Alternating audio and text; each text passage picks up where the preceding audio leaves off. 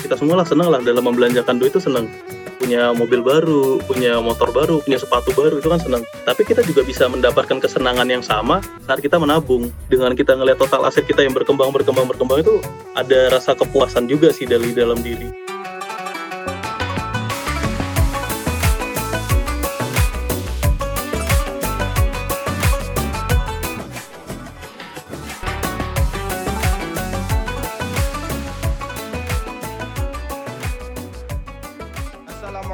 Warahmatullahi wabarakatuh. Selamat datang kembali di Senggol on Talk, sebuah diskusi bareng beberapa pemateri-pemateri yang tentunya bakal menginspirasi teman-teman semua di berbagai macam bidang keilmuan. Malam hari ini kita masuk ke episode kelima di Senggol on Talk bersama saya Ahmad Fauzi dan dan saya diskusi bareng salah satu pemateri kita yakni Mas Doni Fadlila. Apa kabar Mas Doni Fadlila? Uh, Alhamdulillah baik-baik aja Mas Fauzi. Alhamdulillah. Nah ini Mas Doni Fadlila, uh, di selama pandemi ini gimana kegiatannya? Kalau aku kan sebenarnya masih di Papua ya, masih kerja ya. Dan di sini kurang lebih sama sih. Cuman kan uh, pandemi ini jadi kita nggak bisa cuti, nggak bisa sembarangan keluar kota jadi ya masing-masing pada cari kesibukan aja kesibukan lain di sini cari hobi. Kalau aku biasanya aku nih tambahan yang baru nih yang baru banget aku kerjain waktu pandemi ini paling ini sih berkebun sih. Aku coba-coba berkebun doang ini. asik. Udah udah bikin apa tuh? Udah apa yang tumbuh nih? Yang aku coba tanam banyak cuman yang tumbuh dikit sebenarnya. Ada tomat paling yang paling gede. Yang lainnya nggak ada yang tumbuh kayaknya Oke, berarti malam hari ini kita akan bahas soal tanam menanam ya? Iya. Betul sekali Mas Fauzi. Kita sekarang coba belajar uh, pupuk kompos sama pupuk media tanah tuh perbandingannya berapa biar jos. Betul, betul. Oke, setelah sebelumnya periode kita membahas terkait konspirasi, kali ini kita bahas terkait pupuk dan kompos. Mantap. Oke, agar tidak berlama-lama kita langsung saja mendengarkan sedikit paparan apa ya pengetahuan dari Mas Doni Fadlilah ini yang mana judulnya itu Managing Money Made Easy. Silakan waktunya Mas Doni. Oh, oke. Okay. Halo, assalamualaikum warahmatullahi wabarakatuh. Selamat malam semuanya. Waalaikumsalam warahmatullahi wabarakatuh. Nah, ini aku coba bawain topik tentang uh, praktikalnya mengelola keuangan. Uh, mungkin teman-teman nanya-nanya nih, ngapain aku bisa bawa topik mengenai pengelolaan keuangan? Padahal aku juga bukan lulusan ekonomi, uh, certified financial analysis juga bukan. Dan kenapa mesti bahas tentang pengelolaan, uh, pengelolaan keuangan? Dampak itu bakal seberapa sih? Nah, ini aku coba bakal cerita dulu ya. Asal mula kenapa aku mulai concern dengan cara ngelola uang. Pertama kali itu aku mulai itu dari tahun 2010 waktu itu alhamdulillah aku dapat beasiswa yang nilainya cukup wow. Nah, tapi karena waktu itu awalnya masih buta dengan keuangan ini gimana, jadi aku cuma endapin aja di rekening dan nganggep uang itu imajiner supaya nggak kesentuh dan nanti bisa jadi bekal entah itu buat nikah kah, buat beli rumah atau naik haji atau yang lainnya. Terus kapan itu waktu lagi ngurus sesuatu di bank, itu aku ngobrol sama salah satu financial advisornya Unit Link. Nah, di situ aku pertama kali dengar tentang investasi. Akhirnya waktu itu juga aku langsung daftar dan duitnya plok, aku masukin itu semua. Nah, jalan berapa tahun, tiap berapa bulan tuh aku rutin tuh ngecek saldonya. Tapi kok nggak nambah-nambah, yang ada malah kurang. Nah, mulai penasaran, dan di situ titik pertama aku mulai nyari-nyari tahu tentang investasi. Mulai kenal dengan konsultan-konsultan keuangan, kayak ada uh, eh, KM Finansial sama Z Finance waktu itu pertama itu. Nah, di situ juga udah mulai ngubungin si konsultannya tuh, nanya-nanya gimana caranya jadi klien. Dia ngasih uh, ngasih form-form segala macam, itu diisi terus dikirimin. Nah, begitu ada estimasi biayanya, aku mundur. Soalnya kalau nggak salah tuh uh, biaya tinggi banget. Dia biayanya waktu itu untuk financial keuangan tuh per jam, konsultasi per jam itu bisa 500 sampai 600 ribu.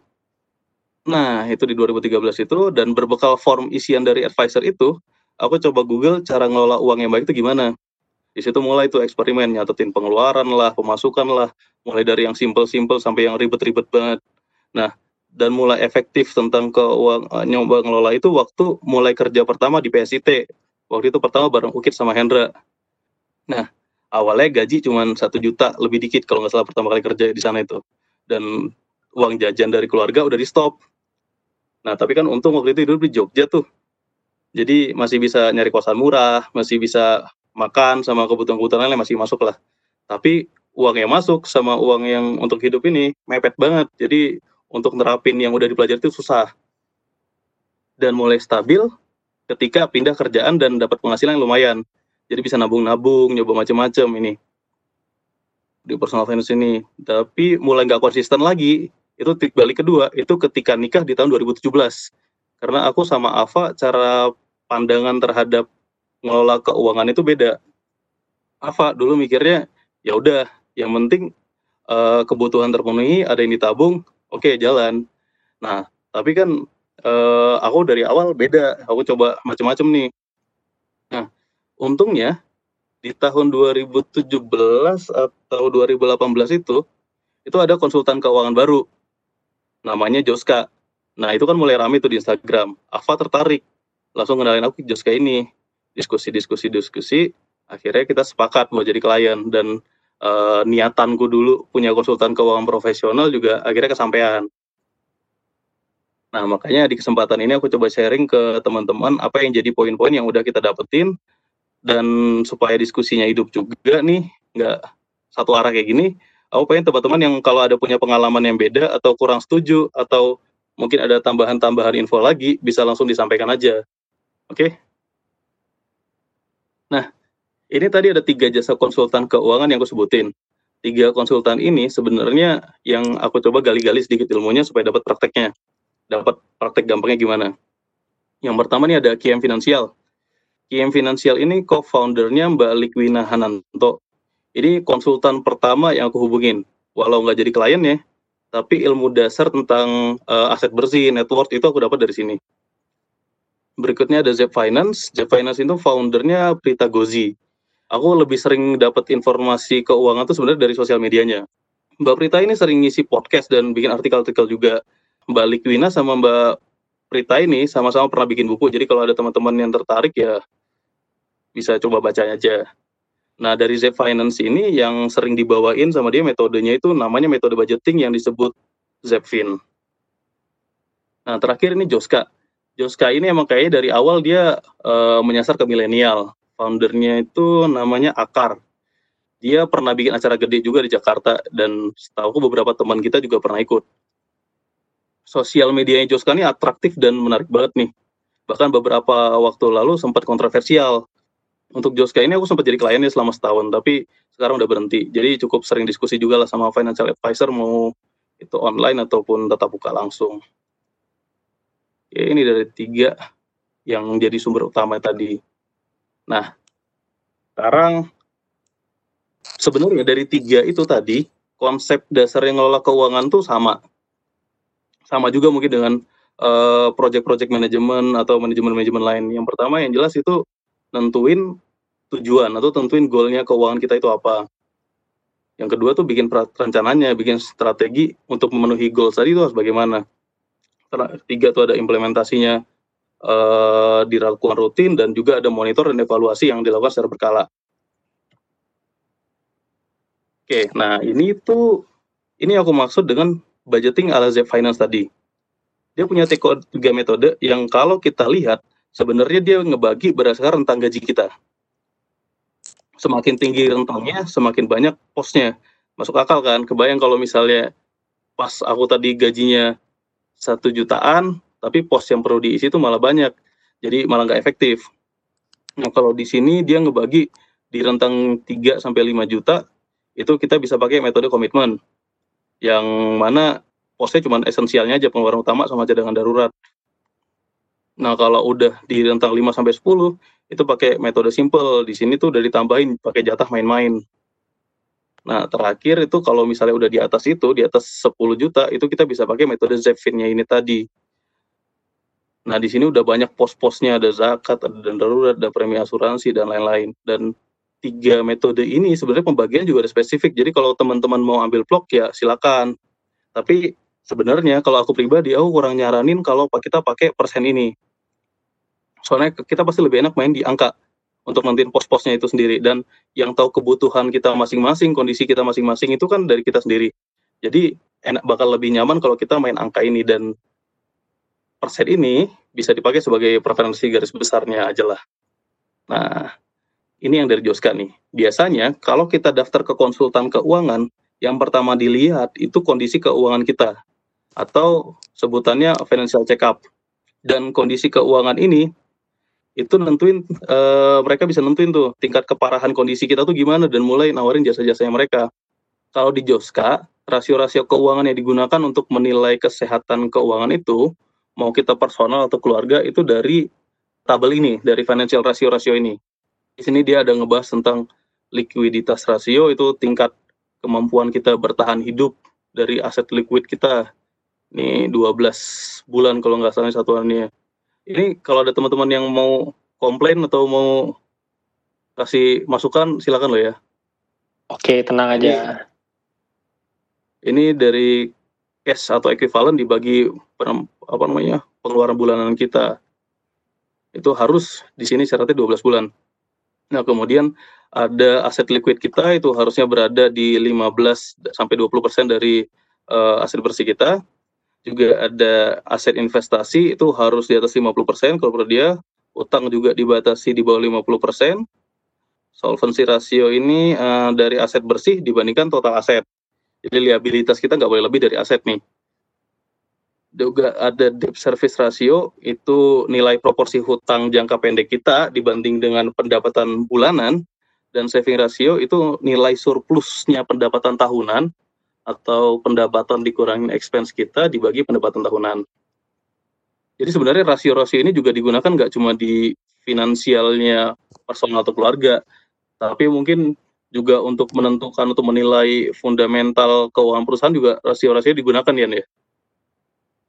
Itu kan bagian eh, lulusan MBA MBA juga nih. Harusnya kalau Mas Ryan lebih ngerti lah dalam ngejelasin yang rasio-rasio perusahaan itu. Saya mah hanya remahan rengginang, Mas Doni. Dan habis itu dari Joska ini ada dua poin lagi yang menurut uh, Joska itu harus ada. Yang pertama emergency fund sama pension fund karena emang dua komponen ini emang penting ya. Hampir semua konsultan keuangan itu nge-highlight banget masalah ini. Kalau Mbak Prita Gozi itu pernah ngebahas dalam satu podcastnya tuh emergency fund itu ibaratnya kayak perahu layar. Jadi emergency fund kayak badannya perahu, jadi harus ada. Harus ada, harus kokoh, harus bener lah supaya perahu itu nggak tenggelam. Nah, tapi yang beda-beda dari masing-masing konsultan keuangan itu cara ngitungnya kalau di Joska kemarin aku diajarin itu pemotongan emergency fund ini dihitung dari seperempat pendapatan tahunan dikali keluarga yang ditanggung atau uh, orang yang dalam tanggungan kita. Tapi kalau di ZEP itu beda lagi. Itu dihitung dari 12 kalinya pengeluaran esensial personal atau keluarga selama sebulan. Jadi kurang lebih artinya tuh uh, selama setahun tuh kalau tanpa pemasukan kita dan tanggungan kita tuh masih bisa hidup. Tapi di beberapa konsultan lain tuh kalau di luar dia nge-state emergency fund ini cukup 3 sampai 9 kali sih. Nah, untuk yang mana yang dipakai, baik lagi tuh, tuh preferensi ya teman-teman sendiri yang tahu kondisi kan kita sendiri. Nah, untuk pension fund, pension fund ini kaitannya dengan financial freedom. Karena umumnya target kita tuh pasti dapetin financial freedom kan, tapi di umur berapa itu yang beda-beda target umur ini yang kita hitung sebagai usia pensiun. Kalau di Joska kita ngitung X of ini 30 sampai dengan 100% annual dari annual spending kita. Angkanya itu bisa variatif tergantung harapan seberapa nyaman kita dikalikan jumlah tahun harapan kita hidup. Misalnya nih, uh, pengen bisa financial freedom di usia 40 tahun. Tapi rata-rata usia meninggal di Indonesia itu kan uh, 63 tahun ya, aku lupa sih datanya gimana ya berarti kita siapin uh, pension fund ini selama 23 untuk 23 tahun tersebut. Terus lala uh, angka itu kita future worth kan. Nah, dapatlah dana pensiun kita berapa. Tapi harapan kita itu kan tentunya kita udah punya passive income nih untuk nge-cover hal tersebut. Nah, ini juga satu lagi yang beda dari Joska dibandingkan dengan Zep Finance. Kalau di Zep tadi kan kita untuk budgeting bulanannya itu udah diplot. Udah bulan uh, persen-persen tadi. Nah, kalau di Joska tuh pendekatannya lebih ke top down. Artinya kita pertama itu akan diminta proyeksiin pendapatan kita selama setahun ke depan. Baru dari situ kita coba bikin strategi untuk memenuhi tujuan keuangan kita tadi. Misalkan untuk uh, tujuan A, kita mau ambil pemasukan di bulan apa nih, atau dari pendapatan yang mana. Nah itu salah satu poin yang beda uh, dari Joska sama Zep tadi. Nah, selain item-item tadi, ini juga poin-poin yang gak kalah penting yang aku dapat dari konsultan keuangan tadi. Pertama, ini untuk uh, perhitungan aset bersih, budgeting, dan review itu harus dilakukan secara berkala dan harus rutin. Kurang lebih sama kayak yang tadi lah. Nah, untuk financial uh, pos yang wajib yang tadi udah dibahas, ini juga udah dibahas tadi, uh, tapi ada tambahan di sini pendidikan anak buat yang udah atau yang udah uh, berencana untuk punya anak lah. Nah, sekarang untuk investasi, investasi. Nah, aku yakin udah pada paham kalau uh, investasi kalau tadi Mbak Prita Gos itu ngibaratin dana darurat sebagai perahu, investasi ini analoginya sebagai layarnya si perahu itu. nah, dia ikut ngebantu ngatur seberapa cepat aset kita bisa tumbuh. Dan untuk tentuin investasi mana yang mau kita pakai, yang paling penting kita tahu tujuan uh, investasinya itu apa. Dan penting juga supaya kita tahu profil resiko kita tuh di mana, entah itu konservatif atau agresif atau di tengah-tengah atau biasa-biasa aja. Tapi kalau aku rasa ini investasi itu udah pada nyobain semua lah ya. Nah, terus ini ada juga poin mengenai asuransi. Tapi karena aku kurang paham hukumnya asuransi ini dalam Islam gimana, jadi aku kayaknya nggak komentar dulu aja. Siapa tahu nanti episode-episode lain ada yang mau nambah nih, ada yang mau bahas masalah asuransi. Nah, ini juga untuk keuangan keluarga ini cukup sering dibahas juga nih, terutama buat yang mau atau di awal-awal menikah. Soalnya eh, ketika kita nikah tuh ada penggabungan dua kepala untuk ngurus satu keluarga. Nah, dua poin utama yang di-highlight dalam eh, keuangan keluarga ini, yang pertama kayak tipe-tipe sumber pemasukan keluarganya. Nah, ini lebih kayak deal-dealan sama pasangan sih sebenarnya. Nah, kemudian juga ada role-role yang harus diisi, misalnya uh, presiden, manajer, atau kasir. Nah, Oke, okay. nah itu kan tadi teori-teori itu yang kita dapetin dari konsultan keuangan tadi. Sekarang gimana cara kita implementasiin teori tadi ke praktikalnya gimana?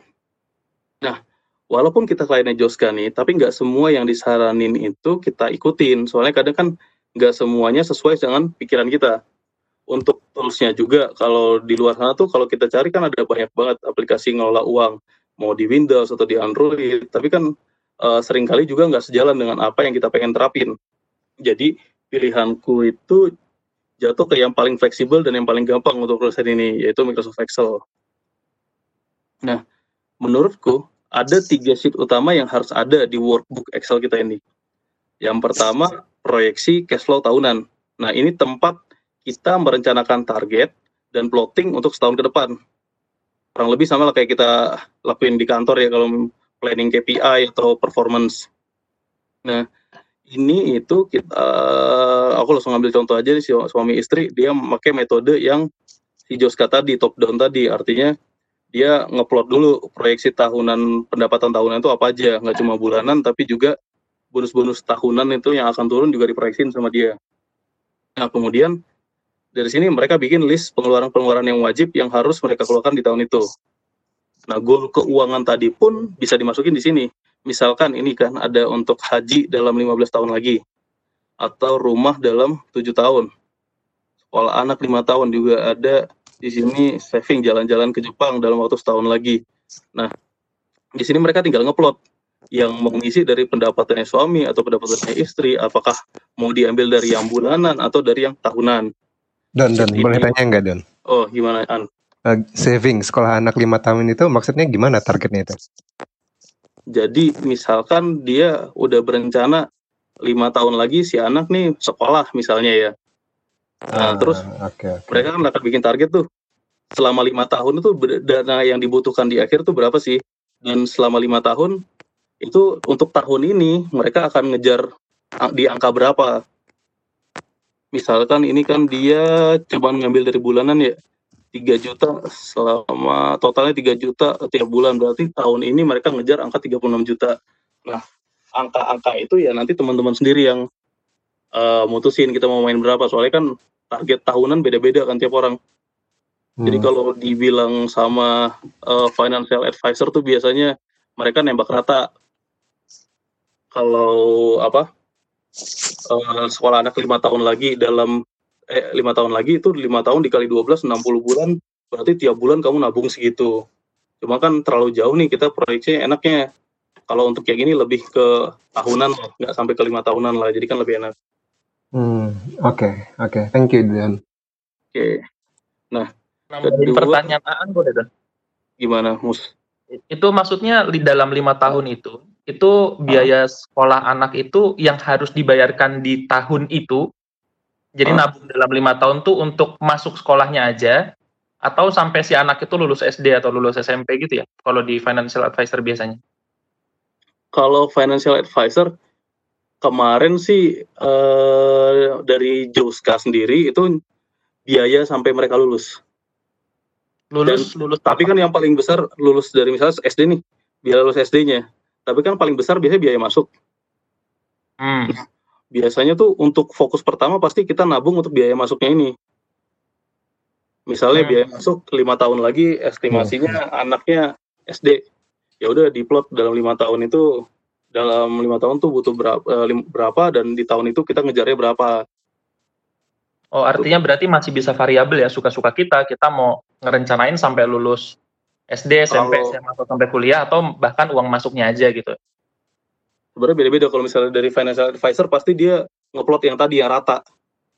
Hmm. Cuman kalau Yang, menurutku ya yang rata maksudnya gimana? A- Aku yang boleh rata ya nambahin. kayak tadi. Gimana? Monggo monggo monggo. monggo. Boleh nggak mbak? Boleh nggak mas Dori? Boleh ya. Oh iya Mungkin boleh. Kak. eh, gini eh, pertanyaan mungkin jawab Mustafa. Jadi sebenarnya eh kan kita tahu juga ya sering ada bang ngeluarin kayak tabungan berjangka untuk eh, sekolah anak. Nah sebenarnya sistemnya kayak gitu mus. Cuman kalau misalnya tabungan berjangka itu kan kita kayak dipotong otomatis di rekening. Nah kalau ini sebenarnya kita juga prepare eh, bahwa lima tahun lagi kita harus mengeluarkan sejumlah uang untuk anak kita masuk sekolah. Nah cuman instead of kita dipotong oleh rekening bank, kita nyetor sendiri. Sebenarnya kayak gitu sih konsep eh, simpelnya. Jadi misalkan sekarang aku sama Mas Doni eh, belum punya anak nih, terus eh, tapi kita udah kebayang nanti misalkan tahun depan kita punya anak, terus dia berarti akan masuk, let's say kita mau taruh daycare.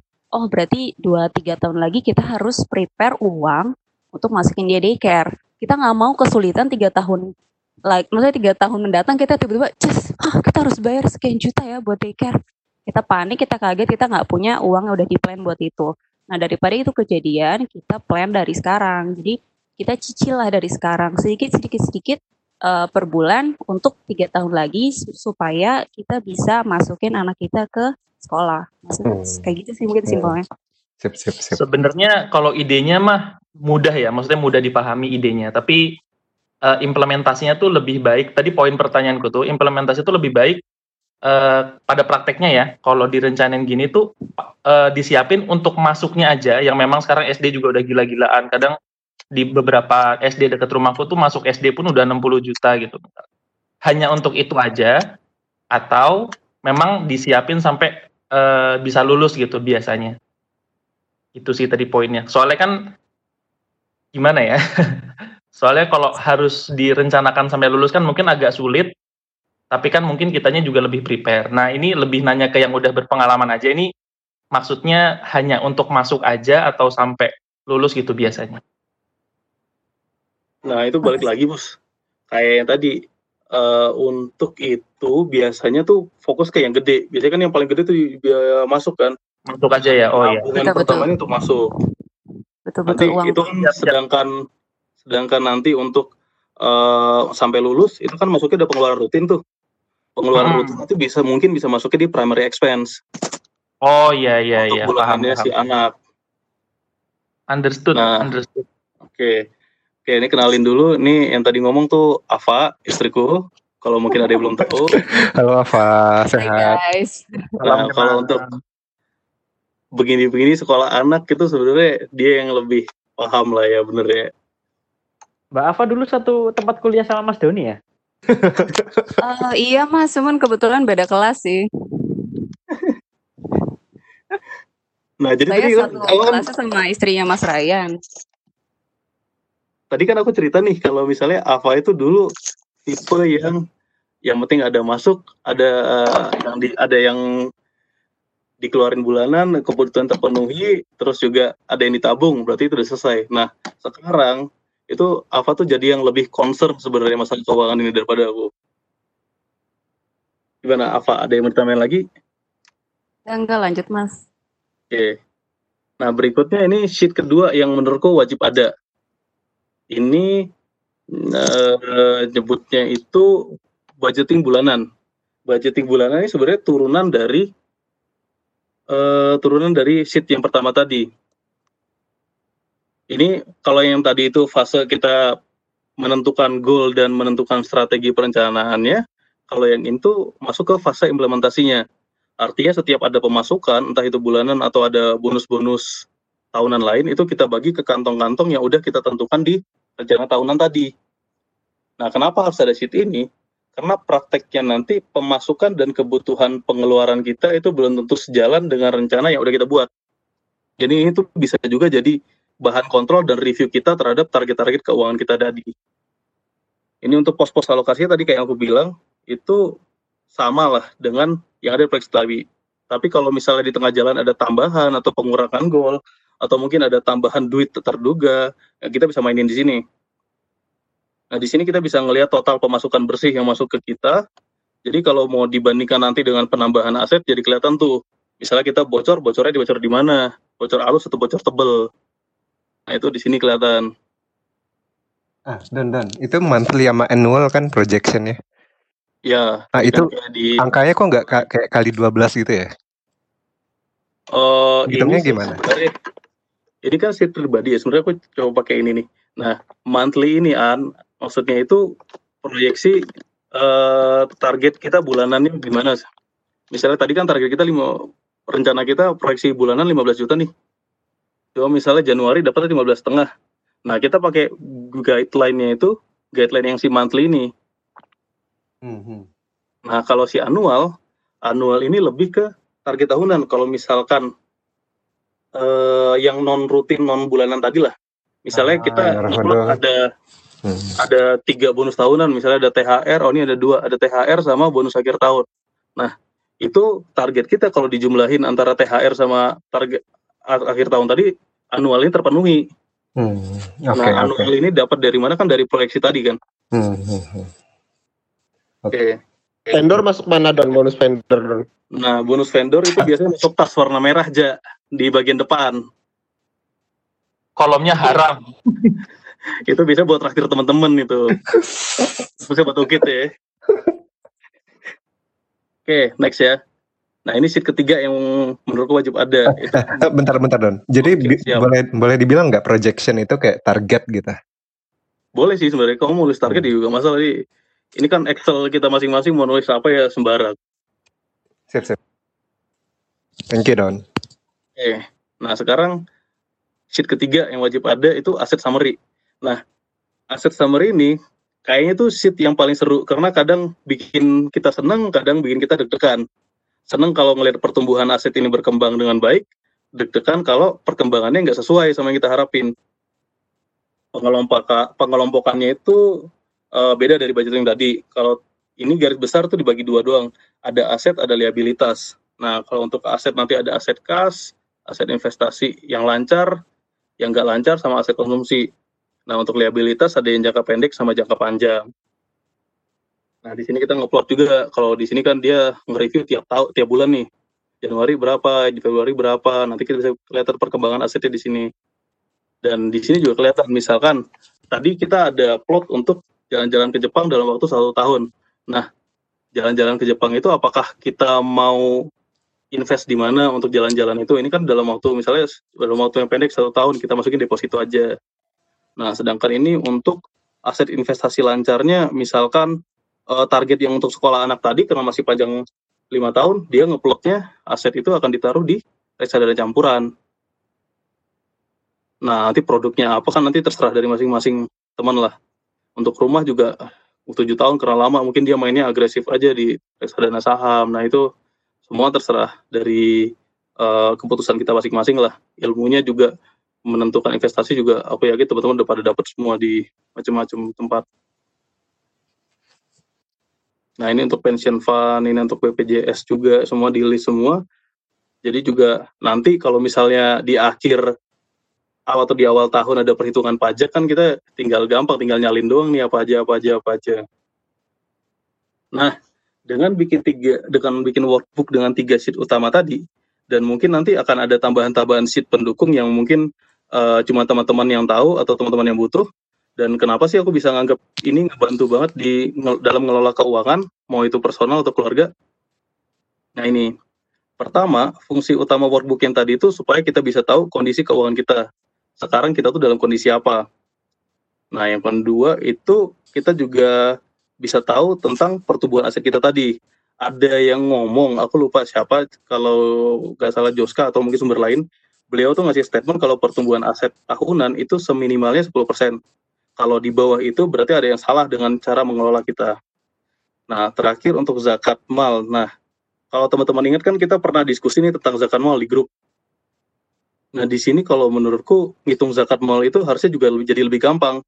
Karena kita punya data aset kas sama emas atau aset-aset uh, yang ekivalen lah yang ada dari tahun lalu. Jadi kalau ada data tahun lalu, nah itu kan bisa dilihat kalau aset-aset mana aja yang udah bertahan selama setahun dan itu yang wajib dizakatin. Tapi aku masih ragu sih kalau misalnya salah mungkin ada yang bisa ngoreksi untuk masalah zakat mal. Mungkin Ade mungkin atau siapa? Ada masukan lain? Bener kok Don, bener. Oh ya siap. Jadi kan daripada kemarin sempat diskusi mengenai ini juga kan yang zakat profesi dan semacamnya itu. Jadi ini menurutku bisa ngebantu banget sih buat kita. Oke, kesimpulannya, kesimpulan nih. Untuk ngelola keuangan buat teman-teman yang belum ngelakuin, itu yang penting kita mulai dulu. Bisa pakai Excel atau bisa pakai aplikasi aplikasi lain yang udah di setup buat ngelola keuangan itu. Yang penting tuh dari awal kita nggak muluk-muluk, nggak terlalu ketat sama konsisten yang penting dan untuk penentuan budget dan rasio-rasio tadi itu kita bisa ngelakuin senyamannya teman-teman dulu aja. Nggak usah terlalu ketat tadi. Karena yang bisa nilai kebutuhan dan kondisi kita masing-masing ya dari kita sendiri. Tapi guideline-nya itu bisa kita pakai dari uh, konsultan konsul angka-angka konsultan keuangan tadi. Itu bisa jadi bikin gambaran buat kita. Nah terus juga setelah itu kita lakukan review berkala supaya bisa tahu kondisi keuangan kita itu lagi di mana dengan tahu kondisi keuangan kita ini, itu akan ngebantu banget dalam pengambilan keputusan. Mau itu pengambilan keputusan yang cepat atau yang lambat. Misalnya, uh, kalau misalnya kita ada keinginan impulsif untuk beli barang mahal, kita bisa sadar sama kondisi keuangan kita tuh sebenarnya lagi layak atau enggak nih. Atau untuk menentukan kemampuan investasi kita, jangan sampai kita salah dalam nempatin posisi uangnya. Yang terakhir, untuk konsultan keuangan sendiri, kita perlu nggak sih sebenarnya Nah dari aku yang uh, pernah nyobain selama setahun, kalau menurutku sebenarnya kalau teman-teman mau cari-cari konsep keuangan dan bisa konsisten dalam implementasi dan reviewnya, menurutku itu nggak perlu, belum perlu lah. Kecuali kalau misalnya kita tiba-tiba dapat uh, uang kaget, misalnya berapa m gitu kan. Nah itu kan pasti kita butuh advice, mau ditaruh di mana nih uangnya. Tapi sebenarnya yang paling di highlight waktu aku jadi klien itu saat menentukan goal dan strategi pencapaiannya. Jadi kalau emang teman-teman sibuk dan gak mau ribet mikirin ini itu, mau ditaruh mana, ini taruh mana ya, ini ditaruh mana ya. Nah itu emang baiknya kita punya konsultan sendiri sih. Itu. Ada pertanyaan teman-teman? Uh, don don. Gimana? Uh, sorry ini uh, liability apa sih? Nggak ngerti. maaf maaf. Oke. Okay. Kalau ada liabilitas itu kalau di sini sebagai kewajiban sih an sebenarnya an. Hmm. Jadi yang jadi beban kalau dalam ngitung aset tuh yang jadi bebannya si asetnya apa? Misalnya ini kan ada kewajiban jangka pendek. Kewajiban jangka pendek kalau di sini misalnya Eh, contohnya nih online subscription-nya kan yang bulanan tuh. Hmm. Eh, mungkin dia menggunakan kartu kredit atau cicilan atau gimana ya itu masuknya di sini. Kalau jangka panjang itu ya mungkin jangkanya udah range di atas tiga tahunan atau di atas berapa, bukan bulanan sekedar bulanan lagi. Itu kayak cicilan rumah lah, apalah itu masuknya ke situ. Itu nggak mas masuk living cost gitu ya Don? Living cost beda lagi. Kalau di sini tuh living cost itu masuknya di primary expense. Artinya pengeluaran kamu yang wajib untuk bulanan itu apa? Nah itu nggak masuk tuh online subscription. Eh kalau di sini online subscription mungkin si keluarga ini ngambil contohnya kayak ini ya, kayak Netflix misalnya atau Hmm. apa yang sifatnya menggunakan kartu kredit. Hmm, Jadi kan itu karena namanya kartu kredit kan dicicilnya ke belakang. Ah, naruh kena credit card ya. Oke oke. Heeh. Hmm. Cuma sebenarnya bisa bisa dilawan juga sih kredit card tuh kan sekarang udah ada kayak apa ya kayak kartu-kartu kayak ini apa sih namanya Genius ya Genius. Nah Genius kan bisa X sebagai kredit card juga jadi ya Hmm. lumayan banget sebenarnya. Jadi kita Oke. seolah-olah bayar di depan jatuhnya. Oke Don, thank you thank you. Oke.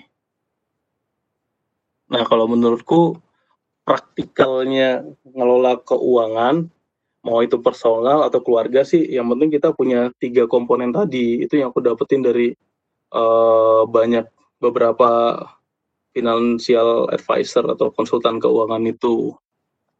Nah tapi kan aku mau nanya dulu sih ke teman-teman semua kalau menurut teman-teman tuh bikin Excel kayak gini mudah nggak sih? Atau mungkin ada yang ini karena ini kan sifatnya sharing nih atau mungkin ada teman-teman lain yang punya pengalaman atau yang punya cara lebih praktis lagi untuk mengelola keuangan dan bisa mungkin lebih kena juga ada nggak? Susah, susah. Sama sih. Curhat Pak. Yang jelas itu detail sih, nggak nggak gampang sih bikinnya itu dan. Mungkin masuk dikit Gampang ya. ya. Hmm. Kayaknya yang Coba nggak apa-apa deh. Ha, kayaknya yang ngelola kayak gini biasanya karena uangnya dikit sekali, makanya butuh ngelola, sama karena uangnya banyak sekali bukan? Yang tengah-tengah jarang bisa mikir begini. Oh termasuk yang tinggi sekali deh. Enggak sih deh. Kalau dari financial advisor itu dia nyebut itu namanya ngelola keuangan itu bisa dipakai untuk segala macam ekonomi. Soalnya intinya keuangan kita tuh kan kita masing-masing punya target ya keuangan itu. Misalnya kayak untuk punya rumah kan kita bisa butuhkan sama atau nanti punya anak itu kan kita juga butuh ngeluarin biaya juga. Nah, supaya target-target itu kecapai, kita mesti sadar yang begini-begini supaya kita nanti eh, nggak masalah-masalah ke depannya sih masalah keuangan. Hmm. Jadi intinya untuk mencapai target sebenarnya keuangan ini. Sama Sebenarnya- juga gimana? Kita mulai belajar waktu uang kita masih sedikit deh. Jadi nanti kalau tiba-tiba jadi Hotman Paris kita nggak kaget. Wih mantap. Nah, itu dia. justru kalau makin dikit yang diatur tuh awalnya makin mudah. Justru kita jadi makin banyak kesempatan buat belajar dan salah. Nanti kalau udah gede kita salah dikit, yang hilang juga banyak kan. Boleh nanya Don? Gimana mus? Eh, ada dua pertanyaan tapi yang pertama dulu deh. Eh, yang kamu rasain perubahannya setelah mengimplementasikan eh, hal-hal tersebut itu apa ya? Maksudnya apakah eh, aset kamu jadi lebih terjaga atau memang gimana gitu? Perubahannya aja. Oke, perubahannya yang pertama ya. Ini kan sebenarnya yang paling seru tadi yang aku bilang itu kan pada saat kita menilai aset summary ini ya. Jadi kita di sini bisa ngelihat pergerakan aset kita tuh seberapa cepat atau eh, jadi kita juga kebayang lah kita punya aset sekarang berapa sih totalnya. Nah, ada yang bilang dari salah satu advisor juga kalau nggak salah itu kita menabung itu akan kita kan seneng nih misalnya ada beberapa orang atau kita semua lah seneng lah dalam membelanjakan duit itu seneng. Punya mobil baru punya motor baru punya sepatu baru itu kan seneng. Nah tapi kita juga bisa mendapatkan kesenangan yang sama saat kita menabung cuman kan Hmm. saat menabung ini parameternya beda apa yang kita lihat itu apa bukan nggak ada fisiknya di barangnya gimana soalnya kita juga nabung di bank tapi dengan kita ngelihat total aset kita yang berkembang berkembang berkembang itu ada rasa kepuasan juga sih dari dalam diri kita. Jadi juga eh, kita jadi terjaga. Misalnya kita punya target apa tadi, target apa tadi itu jadi jadi lebih teratur lah.